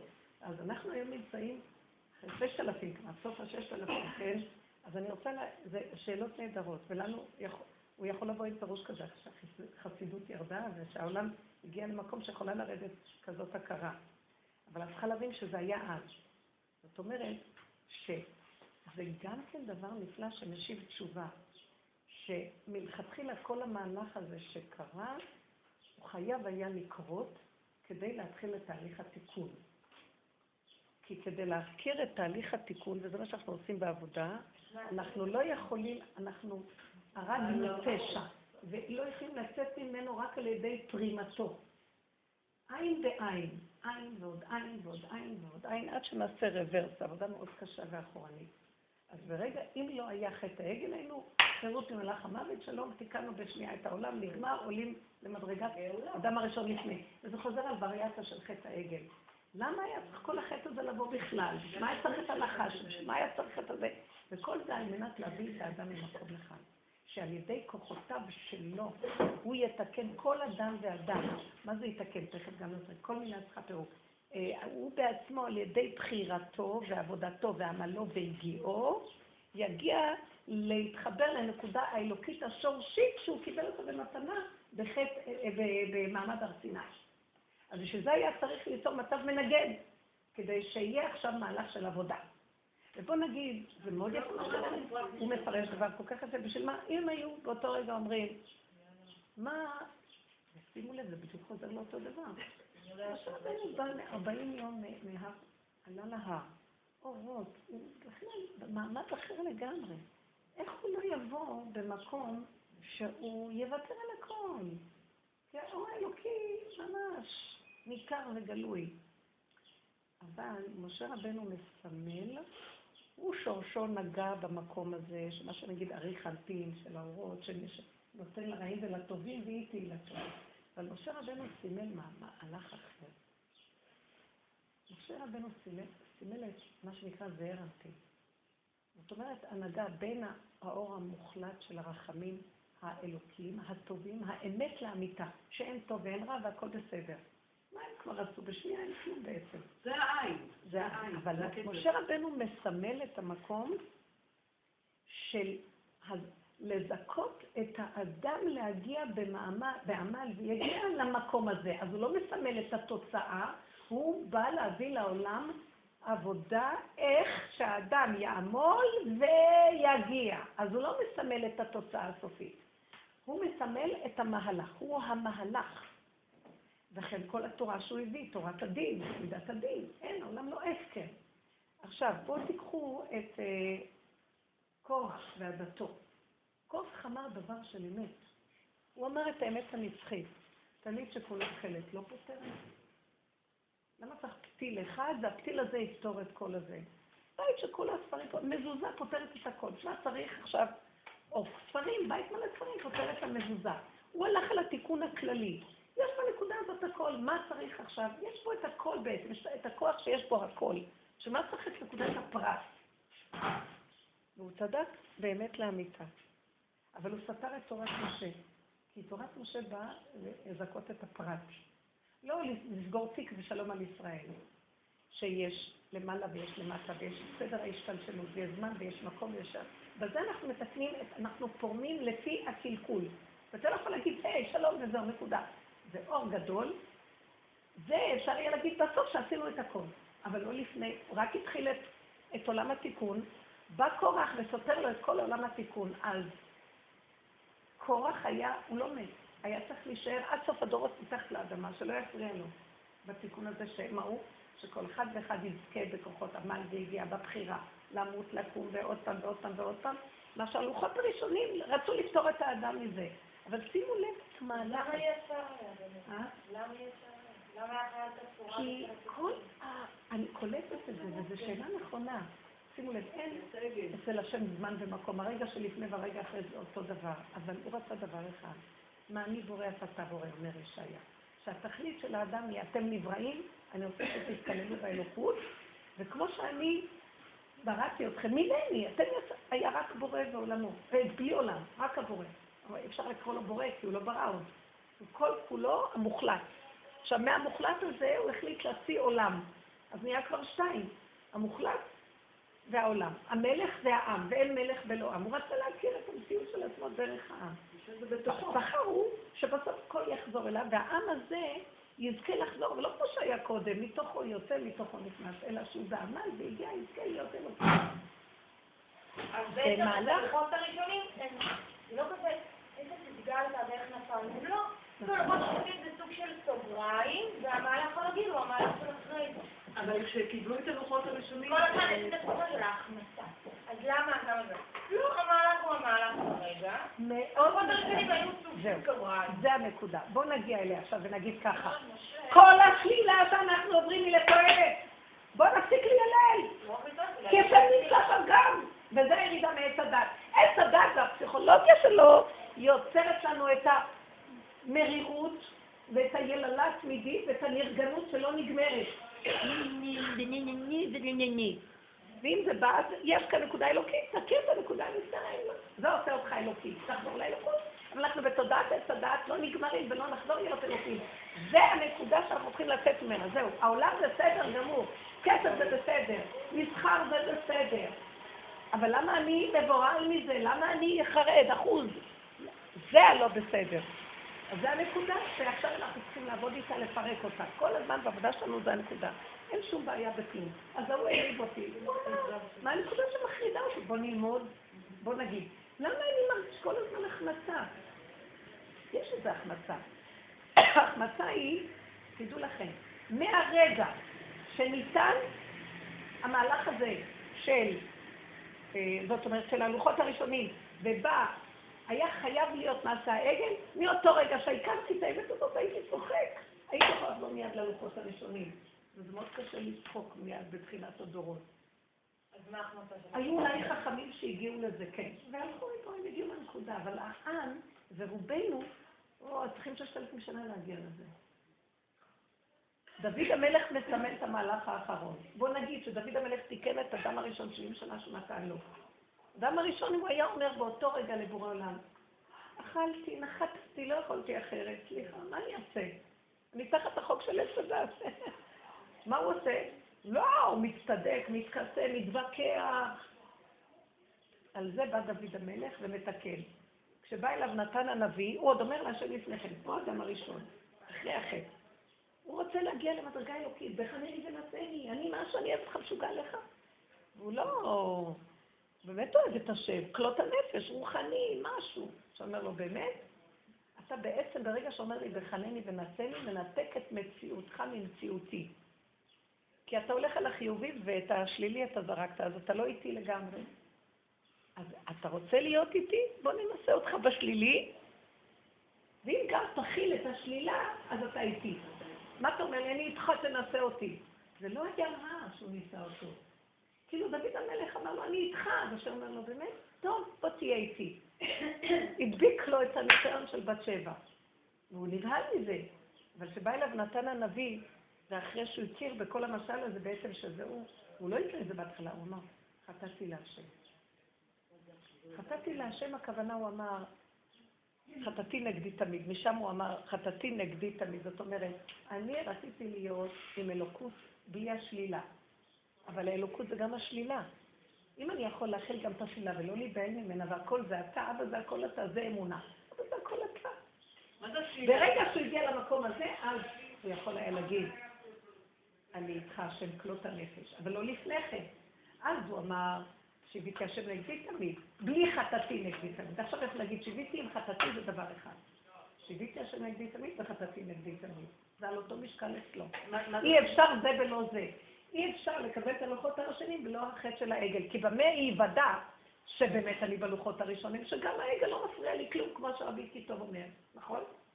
אבל אנחנו צריכים להגיע לזה באמת, ולא מהשפתיים, ולא מזה שהוא אמר, אני מצטט מה שהוא אמר. בא לי ניסיון כל רגע, אני בדיוק במקום הזה. מה הוא אומר לי ככה? מה הוא אומר לי ככה? מה אכפת לך מה שהוא אומר? זה לא שלילי, הוא אמר לך, יש נקודה שלו. הבהלה זה עץ הדת. החרדה זה עץ הדת. זה האגו הזה שאני רוצה להיות מושלם, זה עץ הדת. בוא, נ... בוא נפרק, ואנחנו פירקנו, ונתנו הגדרות לתכונות של עץ הדת, שנכיר אותו. כל זה, זה החרדה של עץ הדת. אז מה יראת שמיים? כאילו, הכל הכל בסדר, יהיה ככה, יהיה ככה. יראת שמיים, אני אגדיר לך אותו בצורה יותר מדויקת, זה אני מפחד מעץ הדת שלא ייתן לי להגיע לנקודת האמת, זה נקרא יראה אמיתית. זה לא יראה, זה לא יראה ש- שאני אעשה ככה. זה יראה שאני אעשה ככה, ואני אלך לאיבוד שבעצם הכל זה השם. אתם מבינה מה אני מתכוונת? אני ירא את השם. אז יש יראת שמיים. מה זה יראת שמיים ומה זה יראת השם? אם אני אעשה את העבירה, אז העבירה תשפיע עליי שאני אשכח שהכל זה השם. עוד יותר אני מתגשם, ואני שוכח שהכל זה השם. קודם כל צריכה לראות יראת שמיים, דיני שמיים, מבינים? כמו הלכות, הלכות, כל הדברים. אני צריך, אני גם זה כבר הלך לאיבוד, כי אני איבדתי את היראה האמיתית, ואני יותר מדי מדקדק, ושכחתי שבעצם כל זה מטרתו לפרק ולהגיד יראת השם. מה זה יראת השם? שכחתי את נותן התורה. אני עסוק בתורה, אני לא רואה את נותן התורה. אתם מבינים מה אני את הבעלים של התורה. את מי? את בעל הבית. איך? אני אומרת שאולי רק השם. בדיוק. אז זה לראות את השם, מה זה? זה לראות שגם שם יש חצר חלי בתוך הזה מימינך, ואין מקום שאתה לא נמצא. וזה, אם אני מתגשם בעברה בגוף, מאוד יקשה עליי אחר כך לראות את זה. למה? כי ברגע שחס ושלום עושים את העבירה ונופלים, אז הרוחות רעות שבתוך זה מבלבלות אותי, מקשקשות אותי, אני פתאום נכנס למראה שחורה, יותר- זה, זה הרבה יותר קשה. אני נכנס לענן חשוך שקשה לי אחר כך לראות את השם. ולכן באיזשהו מקום, גם שם אפשר, על ידי זה שאני תופס נקודה שסוגר את המוח, לא נותן ממשות, לא לרגש, לא לבהלה, לא לסערה, לא לכלום, ואומר, הכל זה אתה ושלום. זה צריך כוח מאוד גדול בשביל זה, אתם מבינים? זה מהלך שאנחנו עובדים עליו בנקודה. אין כלום. אבל העיקר פה זה לא העבירה, זה הנקודה, וה, וה, וההרגשים שנפלתי לתוכה, העיקר זה שיש לי כוח לסגור את המוח ולא לתת שום ממשות לעץ הדת, ואז אני עושה לכיוון אחר. זה מהלך של התאמנות, אתם מבינים מה אני מדברת? אז לכן היה צריך את כל המלאכים האלה. וזה שמשה דן את קורח בדין כל כך קשה, כי משה הביא לעולם את המהלך, וזו התורה שאנחנו בכל הגלות לומדים, צור מרע ועשה טוב. אנחנו עדיין בעץ הדת, ולא יצאנו למהלך של הכל זה השם. לא, אתה לא יכול להגיד שהכל זה השם לפני שתיקנת את נקודת השלילה, אתה מבין? לפני שאתה זז מהשלילה לחיוב. שיש לך יראת שמיים. מוישה רבנו מסמל לנו תורת יראת שמיים, לא תורת השם. תורת השם מוסתרת בתורת משה. הלוחות השניים עכשיו זה מוסתר השם. הלוואי אותי עזוב בתורת ישמרו, הבנתם? כי חייבים לאזן את הרע עם הטוב. כשגומרים את המהלך הזה, עכשיו התורה, כל אור, אור הבעל שם טוב וכל התורה של האמת, של אה, מה שהארי הביא, והזוהר הקדוש, הכל משתלשל לקראת הסוף, זה, זה השם שבתורה. זה לא הדינים וזה לא המעשיות שבתורה. אתם מבינים מה אני מדברת עליי? זה, זה קשה להגיע ישר להשם, כי פרמנו, הרגנו, אנחנו צריכים לפרום. אז השם אומר, הלוואי אותי עזבו. עכשיו תתעסקו רק לא בגוף, אתם בגוף, אתם בעץ הדת, אתם בגוף, רק אל תוציאו את הרע החוצה. עכשיו בעצם אין רע ואין טוב, אבל עכשיו אתם לא עסוקים בזה. כרגע הגשמתם, עכשיו דארו לו להציל את הרע. אחר כך אנחנו נגיע בסוף הדורות, שימו לב, אנחנו בסוף הדורות, כמה תורה למדו, כמה עבדנו לא להוציא את הרע, נכון? תראו מה נהיה בדורות האחרונים, איזה טירוף. כמה רע יוצא, ואין לנו שום שליטה עליו. כמה התאפקנו לא להוציא את הרע. עכשיו השם רוצה מהלך אחר. אין רע בכלל. לא שאין רע, אני לא נותן לזה ממשות. שמתם לב איך אנחנו עובדים בקירוב, כמו שאת אמרת. ומה אני שם עכשיו דגש על זה? לא, אין כלום, אין כלום, אין עוד מלבדו, רק השם. עכשיו זה הזמן להוציא רק את השם בתוך הדבר, כי כל כך מקולקל הכל. שאם נלך על הדינים נהרוג את כולם. כל יום ידונו ויעשו כמה ראשים. לא על אחרים, אבל גם כלפי עצמנו נלך על הדינים. גם כלפי עצמנו. אסור לדון את עצמנו. מאוד קשה עכשיו לא לבקר, לא לדון, לא לשפוט, לקבל, להשלים, להוריד, לא נמות מרוב דין. אסור עכשיו תנסי. את אומרת, נוח לי להתפקר, תנסי, תראי יד נעלמה עוצרת אותך. השם עכשיו מתגלה כי את ממליכה אותו. הוא לא ייתן לך למרוד. הוא לא ייתן לך לעשות חטא. אני חותמת לך. אני עושה את זה כל יום. אומרת לו, טוב, אין לי כוח, אני אגנוב. לא, אני אומרת לו, אתה מנסה אותי, ויש לי כאן איזו נקודה, בכל מיני צורות אפשר לגנוב, לא רק בממון, בחומר. אני, הכבוד נורא חשוב לי, ואני אעשה את עצמי נורא מכובדת, כי אתה לא תמשיך לבזות אותי ככה יותר. אני בביזיון היום ונורא. אני אגנוב ואני אגיד דבר של מישהו אחר, כאילו זה שלי, לא אכפת לי כלום. אני באה להגיד, אני אומרת בסוף, ואת זה אמר זה וזה. מעקם לי את הפה בכלל, אני לא יכולה לשקר. אני אומרת לו, כן. כאילו, אני הולכת עד הסוף, אני אומרת לו את האמת, אני אומרת לו, אם אתה לא מתגלה עכשיו, אני לא יכולה. כמה אתה מנסה? אני לא יכולה יותר. שמת אותי בעולם שכולם כאן רוצים כבוד, ולי אתה לא נותן כבוד, איך זה יכול להיות? טוב, אתה לא רוצה, טוב, טוב, בסדר. אני אומרת לו, טוב, מסכימה. אחרי רגע קופץ לי השט של הכבוד. אני אומרת לו, חזק עליי, אני לא יכולה לו. אני בתרבות של כבוד, תרחם עליי.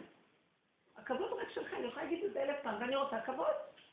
רק ככה הוא מתגלה ונגמר לי הרצון לכבוד. ממש מעניין, פתאום אני אומרת, למי יש כאן כבוד בכלל? הכל דמיון. הוא מרגיע אותי על המקום. תדעי שזה עובד. עכשיו זה השלב של גילוי השם. אבל השאלה אם זה משהו שנוכל להשיג אותו, כמו שאת מדברת, או שזה משהו ש... כמו שהיה מתן תורה, תרד איזשהו דרך המשיח לגאולה, תרד איזו תודעה חדשה. תראה תודעה חדשה, אבל אני רוצה להגיד לך משהו. עדיין החוק שאדם צריך בבחירתו להשיג את זה, לא נגמרת. תראה תודעה חדשה, והיא כבר יורדת, והיא כבר פה המון זמן, כבר לפחות 200 שנה פה, אבל לאט לאט לאט היא נהיית יותר מוחשית, ועדיין אנחנו לא מוכנים לקבל אותה רוב העולם. אבל בודדים שכן עובדים, וזו עבודה קשה. זו עבודה קשה מה שאנחנו עובדים פה, באמת, כי זאת עבודת אמת.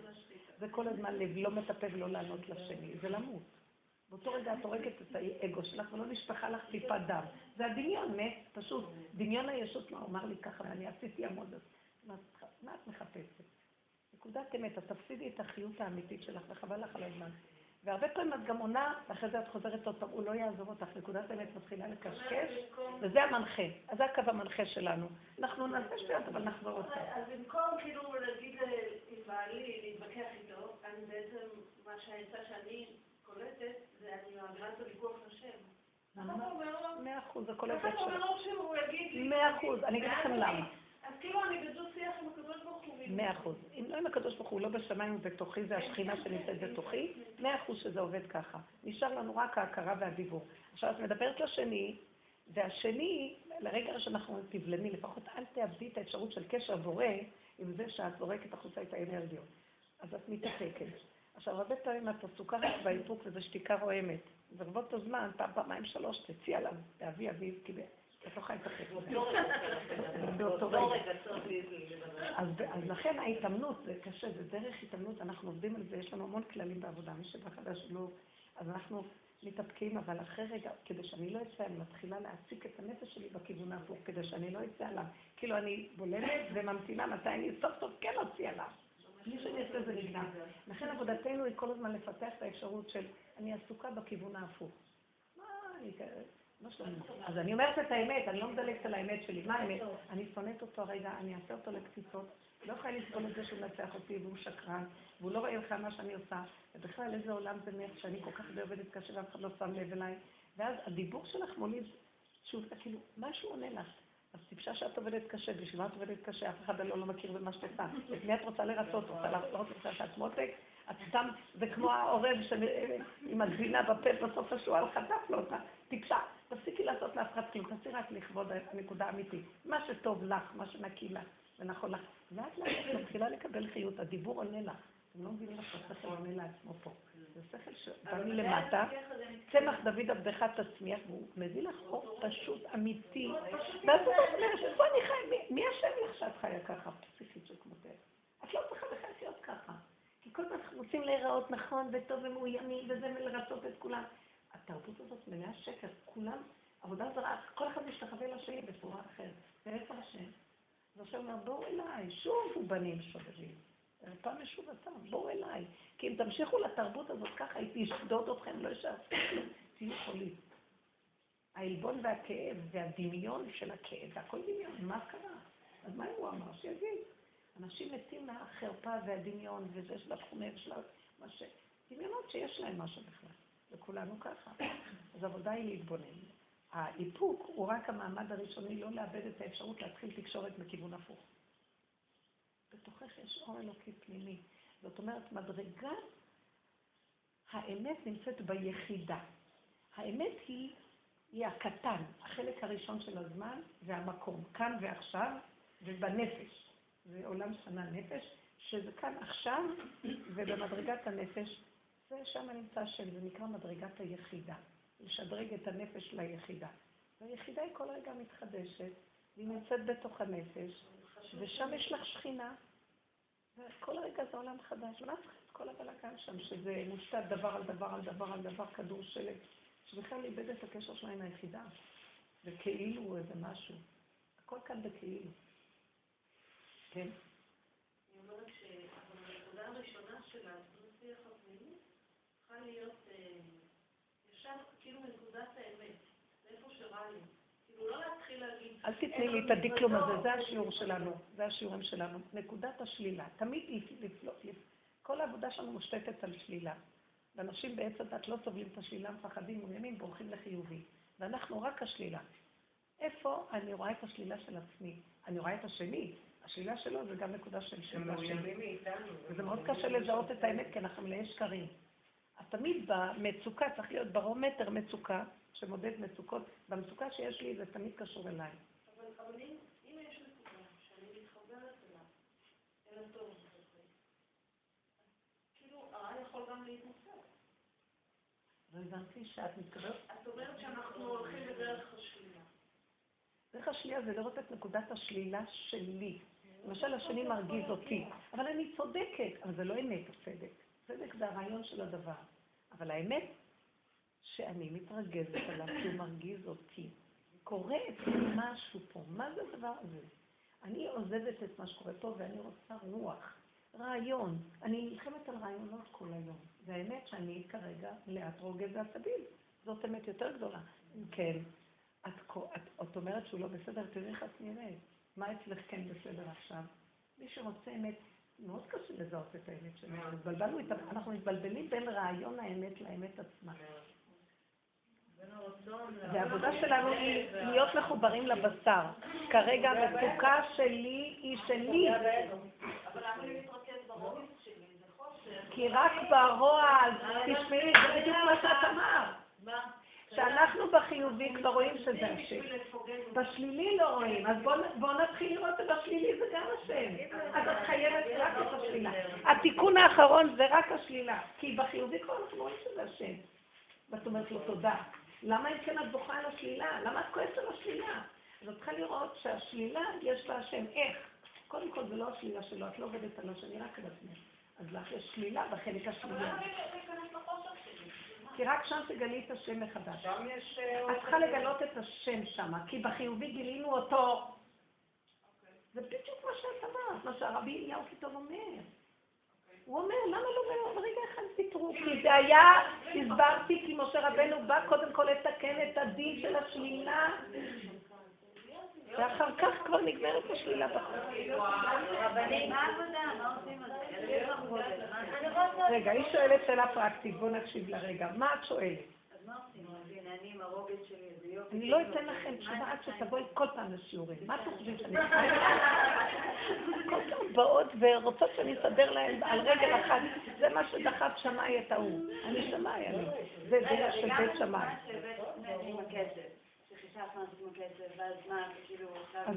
אז מה לעשות? יש לי שאלה רגע. לא, לא מה לעשות. כלומר, את אמרת כאילו, אז הנה אני מרגישה זה, וכאילו זה חוסר... למה אי אפשר גם להיות רגוע ולהגיד, לא. גם כאילו, לא ממקום הזה. לא לתת לו את הכסף, נכון? כן. גם לא את הכיוון השני? אז אני אגיד לכם למה. אני אגיד לכם למה. ככה אנחנו עושים רוב הזמן. אני אומרת לו לא, ואז יש לי במחש כסף, ולא נגעתי בנקודת הפגם, שאני חרד ואני רוצה את זה לעצמי. ואז אני יושן על זה, אני חי, הביטחון שלי זה מזה. בא לי הזדמנות להעביר את הביטחון הגשמי הזה לביטחון בהשם. אז עכשיו אני אומר, אל תגידי לא כן ולא לא, חכי, תבררי עם עצמך את הנקודה. אז מהי הנקודה? ואז תגידו את כל האמת. אהבה, אני עכשיו פותחת מסכת שלמה. זו ההתבודדות היותר נכונה של רבי נחמן. זה ההתבודדות. זה התבודדות בדקויות. כי אנחנו נודניקים, תן לי זהב לי זה התבודדות בדקויות של הכרת הנקודה.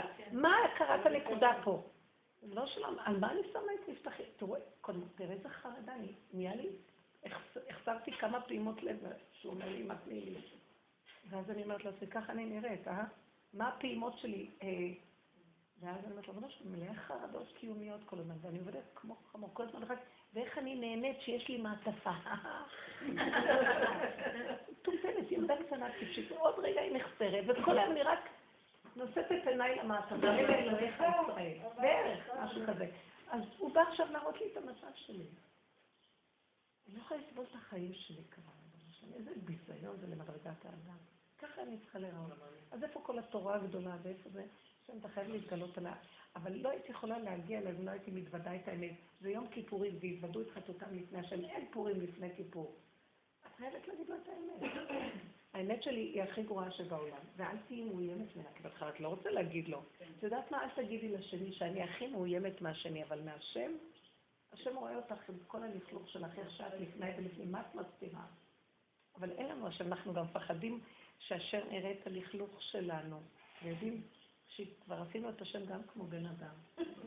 ואנחנו צריכים להגיד, טוב, אין, אין עניין לבוא להגיד לשני את הפגם שלי, אלא אם כן הוא מהחבורה וכולנו צוחקים על עצמנו קצת. זה עוזר. אבל באמת, זה לפניו. מה אכפת לך לפניו לבוא עם הכל?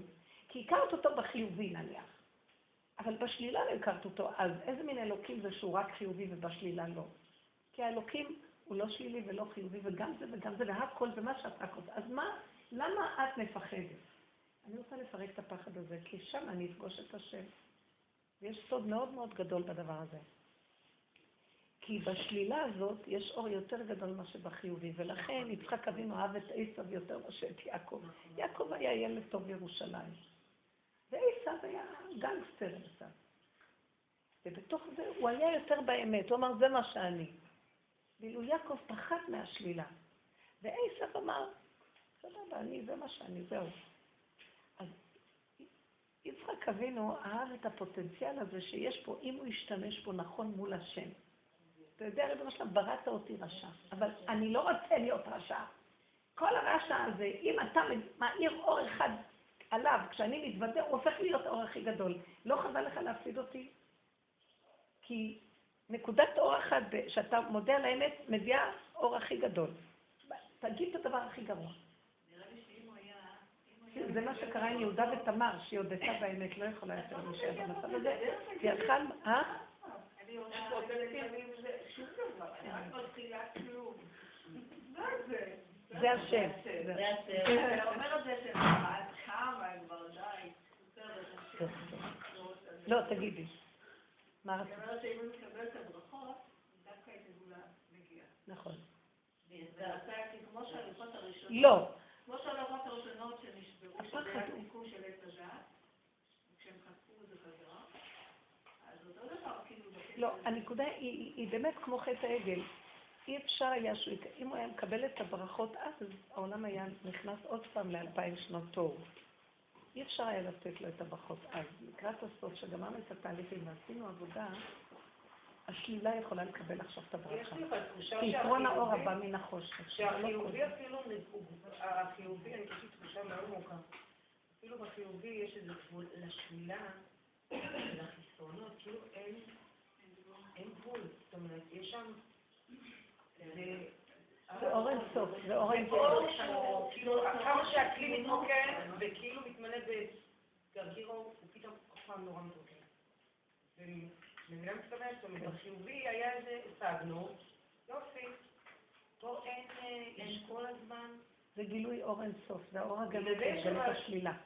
זאת אומרת, נגיד ככה שהתנאי לגילוי של האור הגנוז זה שנעמוד ונוודא את השלילה. כי האור הגנוז מתגלה כשיש שלילה. לא, אבל לא שלילה מתוך מסכנות, אלא שלילה של הסכמה. זה סוד מאוד גדול של הסוף.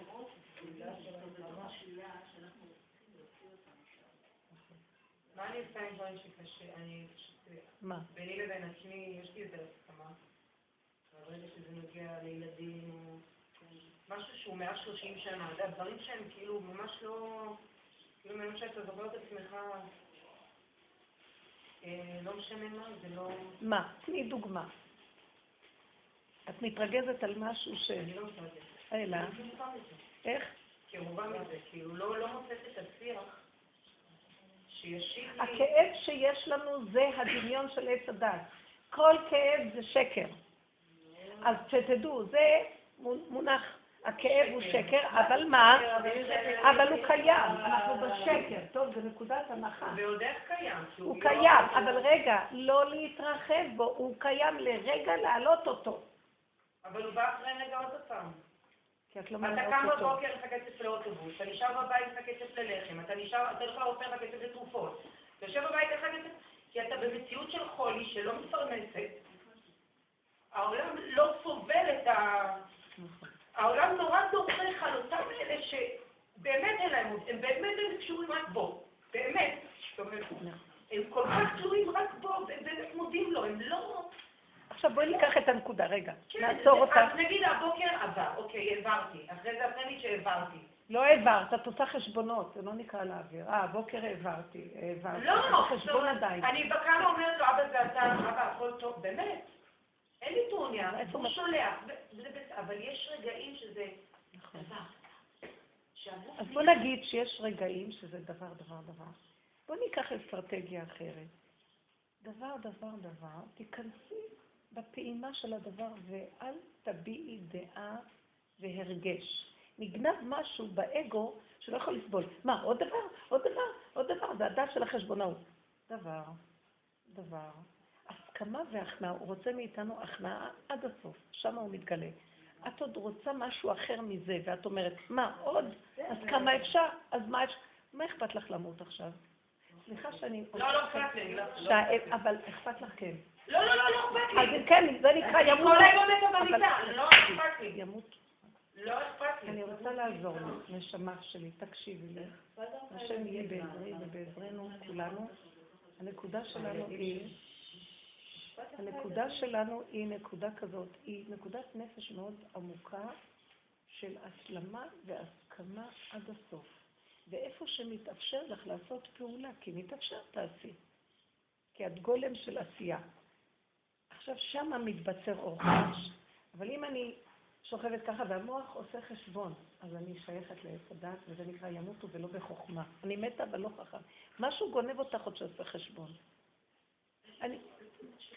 מה? אז, אם אין כוח, אז מה אכפת לך אם... תגידי, אין לי כוח. למה אין לי כוח מלווה עם איזה... תקשיבי. למה? טוב, אני לא רוצה לדבר. אני לא רוצה לדבר, אני... אני לא רוצה לדבר. כי במקום של העבודה שעשית עד עכשיו, את מתפספסת. יש נקודה שאת יכולה לגשר בשנייה ואת הולכת על כיוון הפוך. את מבינה? אנחנו, הוא מביא אותנו עוד יותר ועוד יותר ועוד יותר. בעוד יותר הזה, דום להשם להתחולל. מה אכפת לי? תיקח אותי. אני צריכה עוד ללכת לקופת חולים לטפל בגוף הזה? הכי קשה שהוא לא יהיה. מי צריך את כל העולם הזה? למה את לא מדברת איתו ככה? ותהיי חזקה כשאת מדברת. אז אתה רוצה? תשלח אותי ל... אז הנה, תיתן את מה שצריך כדי שאני אלך, ואם לא, נשכב פה. שמה נהיים דברים. את לא מבינה שהוא מתגלה ומסדר? שכבתי ככה שנתיים, אבל ביטוח לאומי, אין לי את התרופה. שכבתי שנתיים. אז את לא צריכה את התרופה. המוח שלך עוד תלוי בתרופה. עכשיו אני אוכל לרגע פה. מי ירגיז אותך אם לא...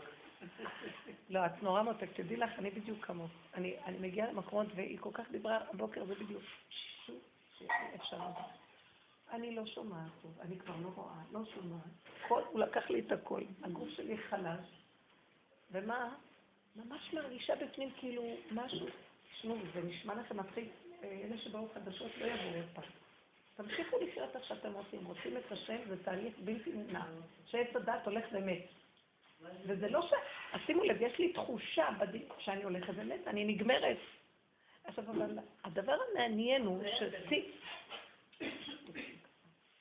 הדבר הכי מעניין הוא, אני הולכת ונגמרת בהכרה שלי, אבל אני רואה שאני קמה בבוקר, מתלבטת, מסדרת, מסדרת, אני הולכת ופותחת הכל ואני מדברת. בין זה לזה אני מרגישה שאני מת. אז פתאום אני אומרת, אה, זה מה שרב אושר אמר, שאם אתה רוצה גילוי אלוקות, מה שכתוב בתורה, מות עד שלא תמות. זאת אומרת, אתה רוצה שהשם יתגלה, אז אתה צריך להיות מת שהשם מחיה אותו. כי אחרת צריך להכיר את השם, אם אתה עוד חי, אבל כשאתה מת, ופתאום אתה רואה מישהו מחיה אותך. איך יכול להיות שאני, אתם אומרים, איך את נראית טוב? מת. איך יכול להיות שהמת הזה עוד מדבר? מת. ועוד איזה שכל, אל תגידו שלא, זה לא שלי. אז פתאום אני אומר, אני בתחושה שלי הולכת, אז זה האני שלי. העץ הדת הולך ומת, הדמיון. ויש לי תחושה של מוות, אבל זה רק דמיון. כי יש מי שמחיה את המת. הנה הוכחה שאני דוגמה למי ש, שיש חי וקיים בעולם, שהשם הוא קיים פה. איך? אני מזמן הייתי צריכה למות. אתם יודעים איזה קצב אני... אני לא רוצה לדבר. אני לא רוצה לדבר על התנאים של החיים. ואני אומרת, כל רגע שאני במצב הזה, אני אומרת, ריבונו שלום, אתם יודעים מה שקורה לי? אני כאילו נמצאת, ולרגע, לאחרונה זה קורה לי. אני נמצאת בין לבין, אני נוסעת, אני יושבת על הכיסא באוטובוס או בנסיעה, ואני מרגישה שאני הולכת ומתנדפת. תשישות שאי אפשר לתאר. כאילו, אני קוראת את העיניים, ואני נעלמת. אני לא מכירה כזה דבר, בדרך כלל אני ישנה ב... כאילו, המוח אומר לי, את ישנה, ואת תקומי ואת נראית... אני גם לא נרדמת בנסיעות אף פעם כמעט. יש כוח אנרגטי של עצבים שלא מרדים אותך. פה פתאום את נמוגה, נמסה, נעלמת, מתנדפת, דולפת. ואז אני אומרת, אני לא יודעת אם עוד רגע אני אחזור. ואז אני אומרת לו, אבא בידך כדרוכי. ואז אני מבינה מה זה הקריאת שמע של המיטה בצורה יותר ברורה. ואז אני מבינה שאני בידיו לגמרי. ויש מי שמחיה את המת הזה. הנה הוכחה שיש תחיית המתים. מה קרה? ואז אני אומרת לעצמי, מה אכפת לך בכלל? מה אכפת לך כלום? זה טוב. ואז אני קולטת שזה המעמד הכי טוב, ואז אני כל הזמן אבא, שלא יהיה אכפת לי, כי זה מה שגורם. האכפתיות זה הכפייתיות של עץ הדת, משוגע. מדוזה משוגע, שהרגה את כולם. לא אכפת לי. מה צריכה שאכפת לי מזה, והוא זה, וזה יהיה ככה, ואת צריכה לחתן את הבן, לא צריכה, אני לא את אחד. לא רוצה כלום. הוא מוליך אותך בניסיונות שבסוף את חייבת, אין לך כוח לעולם, זאת אומרת, לעץ הדת ולתוכנה שלו. אין לך כוח, זה הרבה זמן. אין לך כוח לעולם ולעץ, אני גומרת, אין לך כוח לעולם ולעץ הדעת שלו. לא, היא צודקת, כי זה נגמר ה... אין לך כוח לעולם ולתוכנה שלו. יש תוכנה חדשה, אור חדש על ציון תאיר, והוא מחיה אותנו. זה מה שרבי עקיבא צחק כשסרקו את בשרו במסכות בארזל, מה אכפת לו? והתלמידים אומרים לו, זו תורה וזה זכרה. הוא צוחק, הוא אומר, אני קשור עם נקודת החיות האמיתית, מה זה חשוב אם זה בגוף הזה או לא פה, כן פה. תכניסי את זה לראש, את במקום, אין עלייך, אין אנשים שעובדים בכל האמת, מסרנו את נפשנו לאמת, תדעו לכם שזה לא פשוט. אין, בלי זה לא תהיה גאולה. צריכים קבוצות של אנשים שימותו לכבוד השם. במילא כולם מתים, רבותיי, אז למה שלא נמות לכבוד השם? כאילו אנשים חיים, הם כאילו חיים. אז במילא תיגעו בנקודה, תסכימו ולכו אחורה, אחורה, אחורה. יש רגעים מפחידים, אבל שם הוא נמצא. וצריך חוזק הלב. מה שאתה רוצה. אני משוגעת עליו, הוא מתגלה, אני מודה לך, אני אומרת לך תודה בשם כל החברות המדהימות, בשם כל אלה שזה עם ישראל בעולם, הסכים למות בשביל לגלות את השם בעולם, ואין היום עם ישראל הלך לאיבוד, אז צריכים קבוצות חדשות של עם ישראל כזה, שיסכים, וזהו, נקודה. צריכים לחדש את הנקודה של היהדות, היא הלכה לאיבוד כל מה שקורה בעולם היה ברחבות. חסרה נקודת אמת, וזה טוב, ואז יתחדש, וזה תלמידיו של משיח, זה נושא כליו של משיח, הוא יכול להתגלות בעולם. כי אם הוא מתגלה בעולם ואין כאלה שיעזרו לו, אף אחד לא יקבל אותו. הוא מוזר פה. כן. אני בזה גומרת את השיעור, אבל...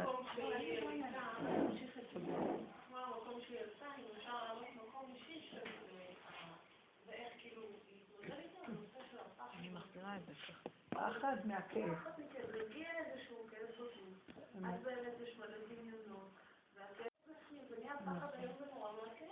זה הנקודה. אני מודעת אליו, וכאילו אני לא מוותרת על זה. כן, נכון. הוא מבעבע בזה. כי נמכרנו אני ואני, להשמיד, לאור ולאבד בידי אותו כוח של עץ הדת. אתה יושב שם וגומר עלינו. והנקודה היא, וזה נכון מאוד, אני מתה מפחד מהכאב. אני לא יכולה לסבול טיפת כאב. אז את יודעת מה שהדרך הזאת הביאה אותי? שישר אני מעבירה את זה להשם. זה כל העניין. לא, לא, לא. אני לא אומרת, אני אדבר על הכאב. כי אנחנו לא בהתגברות בכלל. התגברות תוליד עוד כאב גדול. אי אפשר לנצח את הנחש הזה. רק השם יכול לו. בשלבים האחרונים עוד יותר, כי היו תקופות שעבדו נגד, והשם נתן כוח לזה, כדי לגמור את התיקון של טוב רע מפני הטוב. שהטוב יתגבר על הרע. אז יצר הרע ויצר הטוב היו העניינים. עכשיו, יצר הטוב ויצר הרע, אי אפשר לדבר על יצר הרע, כי הוא אכל גם את היצר הטוב, הוא כולו רע. עכשיו, והוא עוד משחק אותה טוב. אז עכשיו זה רק השם יכול לעזור לי. אין לנו אלא לתת את עינינו אל אבינו שבשמיים. ושם אומרת לו, אבא, אני אומרת לו את האמת, מתי השם מתגלה? קרוב השם לכל קוריו, לכל השם קורבנו. אבא, מה האמת שלי הכי גרועה? תקשיבי למה את גם אוכלי חשוב. אני מתה מפחד מהכאב, לא יכולה להכיל כלום. אתה יודע מה, תהרוג אותי, אני לא סובלת כאב, לא יכולה. אני מעבירה לך את החיים שלי. הנשמה הזאת היא שלך, כאב, אני לא יכול לסבול כאב, לא יכולה לסבול חרדה, לא יכולה לסבול מצוקה, לא יכולה כלום, אני לא יכולה. אני ילדה קטנה שמתוודה את כל האמת, לא יכול, לא יכול. הוא אומר לי, לזה חיכיתי כל הדורות, אבל היה צריך תהליכים. כשאומרים לא יכול, אז רק הוא כל יכול, אבל אם אני גם קצת יכול, הוא מחכה עד שאני אהיה לגמרי לא יכול. אבל אני לא... כי קצת שלי יכול, מונע ממנו להתגלות. זהו זה. אין אני והוא יכולים לדור באותה כפיפה. פשוט. אז כל העבודה שלי היא כל הזמן להתוודות על השאלה. למה אני כל כך מאוימת? אני באמת לא יכולה. אנשים מפחדים להיות לא יכול. זה הנקודה. לא מוכנים להודות בלא יכול, ואז הם מסתבכים. נורא פשוט להגיד להשם, אני לא יכול לסבול את הכאב. לא, להתגבר על הכאב, לא. תסתכלי בו לעומק. אני גם לא יכולה להסתכל בו לעומק, כל השיטות החדשות. ואני מסתכלת בו לעומק, הכאב מפלח חס שלום. אז אני אומרת לו, אבא, ולפעמים אני רואה שהוא נותן לי כוח, שאני מתוודה לפניו, ופתאום התבוננת על מקומו ואיננו. אבל זה ממנו, זה לא מהתרגולים שלי. מספיק עם כל המודעויות האלה, זה אחיזת עיניים, וזה כוח בכוח. תפעילו יותר כוח, תעשו יותר כוח. זה לתת לנחש כביכול. הוא חכם, הוא ככה מסבך אותנו עם זה, ולא יוצאים מהמלכות שלו. תביני את זה? לכן עבודתי היא לעמוד מול בורא עולם. וידוי דברים. יום הכיפורים, אין לכם יותר טוב מזה, יום הכיפורים. לא יכול, תקוע, אין לי פינה אחת, אין מתום בשרי מפני זעמך. אין מקום אחד שלא נגוע ופגוע. זה משיח. הוא יושב ופותח פצע, סוגר פצע. אין לו מקום אחד לא נקי, אה, לא, שהוא מסודר. והשם איתו כל... כי למה? אם היה לו עוד משהו, הוא היה סומך על הכוחות שלו שיכול. אין לו מקום אחד שלו. יושב בפתחה של רומי, כי שם זה הכי גרוע שיכול להיות. אם הוא עוד יושב במקום טוב, הוא עוד יכול להיגנב שהוא עוד משהו קצת. תקוע, תקוע, תקוע, ושם מילה אחת שהוא מעלה להשם, כל התקיעות עולה ומתגלה השם. אין מעשי יותר ממה שאמרתי. לא, נקודה מעשית מבחינת העולם הזה, אוקיי? אם אני באמת אומרת השם, לא יכולה לסבול כן. אני מתה מפחד, אוקיי? זה שלך, אתה רוצה תיקח אותי, אני... אני הולכת על זה ישר. אני, אני אגיד לך. לא אני קלת דעת, המלכות היא קלת דעת, מוסרת את נפשה בשנייה. לא. אבל אני אקח תרופה, יש לי קולסטרול גבוה. מה יש לך? תעלי לו את הכולסטרול הגבוה. לא, ש... יאללה, הלכנו לאיבוד עם הפתרונות של עץ הדת, תעשי ככה, תעשי ככה, תעשי ככה. לא. אני לא יכולה להגיד לך כן או לא, אני יכולה להגיד לך ככה, אם תעבדי עם זה בעודו באיבו ותתעקשי עם זה, גם לא יהיה אחר כך את ההתרחבות. יש הרבה דמיון סביב החולי. נכון שיש עכשיו, החולי זה הפגם. אם נמסור אותו מיד ורק אותו, ואין לי כוח, ואני לא יכולה, אתה רוצה תהרוג, אתה רצית שאני אחיה פה, שיהיה לך במי לי, אתה צריך כלי להתגלות פה, אם תהרוג אותי מה? זה החוצפה זה של. ממש, חייבים. חוצפה כלפי שמיא מהניה מועילה. זה לא שאני מתחשף אליו. סליחה, זה לא הגיוני. שאתה רוצה אותי בעולם, ואני גם אלחם על הקיום שלי פה נגד כל הכוחות שקמים נגדי? שלום. תילחם אתה לי. תפתח את עצמי. השם מת לשמוע את זה. בדיוק, הוא רוצה שנגיד לו את זה. לא, אבל הכוחנות של עץ הדת, תילחם אתה, ואתה יכול, ואתה יכול, ואתה יכול. הנה, דוד המלך... כל העולם החרדי פנו לאכול על זה, כי הוא אומר, אז לא, אם לא תהיה הפקרות. בוא נגיד להם, תשמעו, חכמים, כל הדור הזה עבד נכון. הדור האחרון, אם תגידו אתם עוד יכולים, כולם יתפקרו. בואו נלמד אותם, עם שארית הכוחות, איך להגיד לא יכול. ואז אנחנו מפקירים להשם, לא לטבע. אם אתם לא תלמדו ותעמיסו עוד יכול ויכול, כולם יתפקרו. מה הדבר הזה? אין להם בינה. אנשים יקימו את הגאולה. לא, אני רוצה להגיד לכם שיש לנו כאן דבר שצריכים להבין אותו. אנשים, אין דרכה של אישה לכבוש, בזאת היא תביא את הגאולה. לא יכול, האיש עוד רוצה לכבוש. אבל העולם הגיע למדרגה של הנוקבה, לא יכול יותר. אז כל יכול רק מעריך את הקץ, הוא יכול לרגע, היצר ניזון רק מהיכול שלו, מקבל את הכל, מתפרנס ממנו, יונק ממנו את החיות, והוא נהיה שמן והוא מת. וכל רגע הוא מפיל שדודים תחתיו. אנחנו צריכים להגיד לו, זה מה שיקרה אם אתה לא תיתן לנו ממך, אתה חייב להתגלות עלינו. זה כל דוד המלך, הוא רק צעק להשם. הכל. הוא אמר, הוא אמר, אה, הוא אמר, לא- לא אקטיבי הללויה ולא כל יהודה דומה, ריבונו של עולם, אתה לא רוצה שנמות, אתה לא... אתה עפר לא יגיד. עמיתך, מה יועיל לך מת? כן. הוא היה מדבר עם השם, כי הוא תפס את נקודת האמת. זה יצר הרע שאומר לי, תפחד על החיים, תפחד על החיים. אני לא מפחד על כלום, אתה תפחד על החיים שלי. סליחה, שומעת אותי? אם אני מאוד פוחדת מכאבים, אבל אני לא מסוגלת, משפטים שהרבנית אמרה, אני לא מסוגלת להגיד, אה, לא אכפת לי למות, לא מסוגלת, אני לא יכולה, אני לא יכולה לסבור את זה בכוח, אני לא שם, אז מה אני אעשה? אני תגידי לו את האמת הזאת. ריבונו של עולם, אני רוצה למ- אני- אני רוצה להגיע לתכלית שלא יהיה אכפת לי, אבל אני עוד לא שם. אז אני מוסרת לך את כל האמת שלי, רק תביא לי כן. הוא כל כך שוטר אותנו, הוא אוהב את האמת. הוא צוחק, הוא נהנה מזה. שלא אכפת לי למות, זה תחליט נכונה? כאילו. תכלית אחרונה שאנחנו... תקשיבו רגע, אתם יודעים מה? ש... אה, אז אני אגיד לכם משהו. רגע, עץ הדת מפחיד אותנו בלמות ולחיות. יאללה, שלא יבלבל את המוח. כאילו, מי חי פה? ברגע אחד אנחנו מתים. כולם מתים.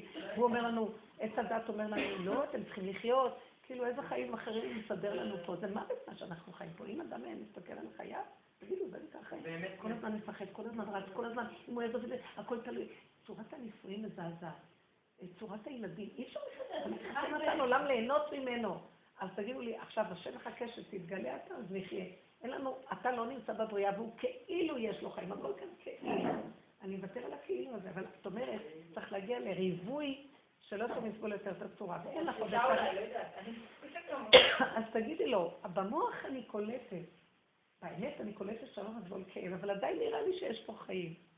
אז ריבונו של עולם, תעזור לי, אז תמקדי בכאב, אני לא יכולה לסבול כאב. תעזור לי, שאני אהיה בשמחה ואני אודה לך על החיים. טוב מאוד, לא חשוב, כל אחד בדרגות שלו, כן. אני מרגישה שיש נקודה שחסרה וחייבים להכניס אותה. אני שמעתי אותך לפני יותר מעשר שנים, וכבר אז הדברים נכנסו לי מפה לגמרי, אמת. ולא יכולתי להחליט את זה. לא יכולתי הרבה אומרות הרבה נשים, לא יכלו אז. זה הביא אותי פעם לכיוון של שיגעון, זה הביא אותי פעם לכיוון של דיכאון.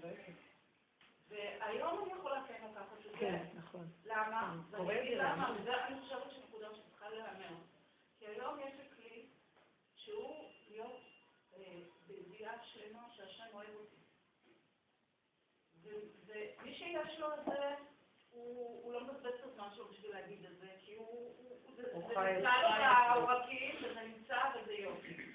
יכול להיות שאצלך זה נמצא, לא, אבל אני אגיד לך האמת, הדור נמצא במקום שחייבים לעזור לו, כי הוא ייפול בייאוש והתאבדות. אנחנו רוצים לשמוע את הדיבורים שלך, הרבנית. ועל הידיעה הברורה לא, הזאת, השם אוהב אותי, השם אוהב אותי. כשאני אבוא ואני אגיד לו, כשאני יודעת שהשם אוהב אותי, אז אני יכולה לבוא ולהגיד לו את כל הדיבורים האלה, ואת כל החוצפות. לא, אבל הדיבורים האלה יש בהם, למה הם מתמידים להגיע? כי הם מרגישים את האהבה גם בלי לדבר.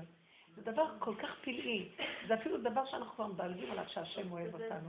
עצם הגילוי שלו זה הוא. זה לא יכול להיות שהוא יהיה והוא יהיה רע. אין כזה דבר אצל השם. אבל את אומרת את זה משכל. אני רוצה לדעת באני הפרטי שלי. אז תבואי לשיעורים. תתמידי בתרגול. אני כבר יודעת את זה. אני אומרת, כל אישה שבאה לפה ושומעת, שתשמע, אני צריכה לתרגל, אני צריכה לתרגל, אני בעצמי, בגלל שהעניין הזה של קבוצתיות הוא בכלל מובן מאליו. כל אחד שיושב פה בחדר זה לא, אנחנו לא בדווקא מחוברות, זה לא בדווקא. יש מי שזוכה ומרגישה את האנרגיה של כולם והיא מתחברת, ואז היא בקבוצה הזאת של אנחנו מדברים עם השם וכולי, ויש מי שיכולה להיות במקום שהיא יושבת פה. אבל את לא תדלגי, היא צריכה לבוא, היא צריכה לבוא ולקבל, כי האור הזה נכנס על ידי תרגול. האמנתי כי אדבר. מה שיפה בשיעורים חייבים התאמנות. זה שכל אחת בפרט שלה, זה מה שיפה בקבוצות האלה, זה לא קבוצה. תביני, זה לא קבוצה. את יודעת כמה דברים בכל מיני קבוצות שכבר נגמר להם, כי רק... כי אין משהו אחר, אבל כל אחד בפרט שלה מקשיבה לה ועובדת לפי המידה שלה ולפי... זה לא שיש פה איזה... במקום שהוא חסר אהבה, תפסיקי, תפסיקי. לא, לא, זה לא חסר אהבה, זה הפרשנות של המוח שלך קורא לזה חסר אהבה. את צריכה לבוא לשמוע ותראי שמתוך... צריכות לבוא לשיעורים, זה לא משהו של... להכניס את המקום של האהבה לנו. כן, תקשיבי, יונה לרגע. להכניס את המקום של האהבה, אולי בגיל שלנו, כשאנחנו מדברים עם נוער, הם לא מרגישים שאוהבים אותם, אבל אם נלמד אותם לתרגל, לפנות להשם, אז במילא הם יגיעו למקום הזה שהם ירגישו שהוא אוהב אותו. אי אפשר קודם להגיע לדוגמה עם ילדים למקום הזה שקודם אוהבים אותם. כי זה מקום נורא קשה. הם לא רואים את זה גם. הם לא רואים את זה. איך אתה אומר שאתה אוהב אותי כשאתה מבין את אבל המקום של לדבר ולפנות להשם, הם יש להם תמימות, השם נמצא בעולם. את לא מבינה מה שהדיבור עושה. המקום התמים הזה, זה מביא אותם לגבי האהבה, ואת המקום הזה צריך לתרגל עם כל אחד איך שהוא רוצה. כשאתה לא, תקשיבי, לא לעשות הרבה. אדם יש מצוקה, תדבר את המצוקה שלך. בתוך זה נכנס אור. אל תתבייש לדבר את כל המצוקות שיש לך, את הכי גרוע שלך, את המחשבות הכי אפלות. השטן סוגר לך את הפה. השם אוהב את זה. הוא אומר, זה נראה לך אפל? לא, אני אני שלחתי לך את זה, כדי שתביא לי את זה. אתם לא מבינים. אבל לא במקום של וידוי וחרטה. זה ההבדל. כאילו, עד היום... בעבודה שלנו אין חרטה. זה וידוי, וידוי, אבל אין חרטה. חייב להיות וידוי. אני ואומר. לא מחשבות. לא, אנחנו לא מדברים. זה עץ הדת. בעץ הדת יש חרטה ווידוי, זה רבנו יונה, כי יש מה שנקרא, התהליכים שעשינו בכל הדורות הם נכונים, אבל עכשיו נפתח פתח חדש, זה שער החמישים, הכניסה אליו. כניסה לשעה חמישים, וכל מה שהיה לנו קודם אין לנו כלום, זה הכל דמיון. במוחש אין לי כלום, ולעמוד מול השם בכלום, זה כל העבודה שלנו. אז למה אתה מתייעץ? כי האגו לא נותן מה, אין לי כלום? כן, מול השם יש לך משהו? אתה כבר עובר אותך חדשה, צריך להסביר את זה ואנשים מתחילים להירגע. נכון, אני לא אמור שיהיה לי כלום. ביני לבינו, ביני לבין השני, עוד התרבות הזאת מאוד מכוסה, ואת לא יכולה להגיד את האמת. אבל ביני לבינו אני לא אגיד את האמת, לאט לאט אין פסיכולוג יותר טוב, אין ידיד נפש, אב רחמן יותר... כל האמת הפשוטה, ואתה פתאום, אתה מקבל ביטחון וחיוב, ואתה עומד מול העולם וצוחק, ואתה לא יכול גם להגיד לשני, השני אומר לך, תראה, אתה לא דפוק וזה. טוב, פעם היית מאוים, עונה באבי ידיד, מה לא? זה תרגול של הכרה, קחי את כל המצוקה שאת עוברת, תעבדו על הנקודה. גם החיובי אני אומרת לו, אבל המצוקה זה הכי העיקר. שם נמדד הגילוי שלו יותר בגלות. כי עוד בחיובי אני אומרת לו תודה, ואני חי מהתודה, מהדמיון החיובי. המצוקה יש איום על הנפש עצמה, יש איום, יש חרדה, יש פחד מהכאב, יש זה, ואני מוסר לו את הכל, אני לא יכול להכיל את זה, למה אתה לא יכול להגיד שלא יכול? הוא עוד רוצה להיות יכול. תרבות עץ הדת זה אני יכול, וייתן כאלוקי. וזה מה שמטעה אותנו כל הזמן. עכשיו, אני לא אגיד, השם אוהב אותי, השם אוהב אותי, אוהב אותי. יכול להיות שאת צודקת שאפשר להגיד יותר את העניין של אהבה. אבל באמת, נותנת לו תרגיל אחד קטן וזה עובד, הוא כבר, הוא כבר רואה שזה עובד, זה שווה, כמו שהיא אמרה. להגיד לו איזה נקודה ולעבוד עליה. צריך להתאמן בדברים האלה, אני חייבת כאן להפסיק, תודה רבה. זה מרתק להיות איתכם, אתן מדהימות. באמת זה כיף. אבל כולנו היום בתרבות, אתם מבינים איך שאני לא הולכת אנשים שומעים חי, כי אולי את צודקת, לפעמים באים לפני שאני, לא, לא, זה קשה, מה זה, זה מבטא אותי, מה זה, זאת רבנית בזיכרון. קודם כל שאני לא רבנית ולא בזיכרון, אבל דבר שני, היו באים אחרי חמש-שש שנים גוררים רגל, מצמצים עין טוב, עכשיו אנחנו, נכון, נכון.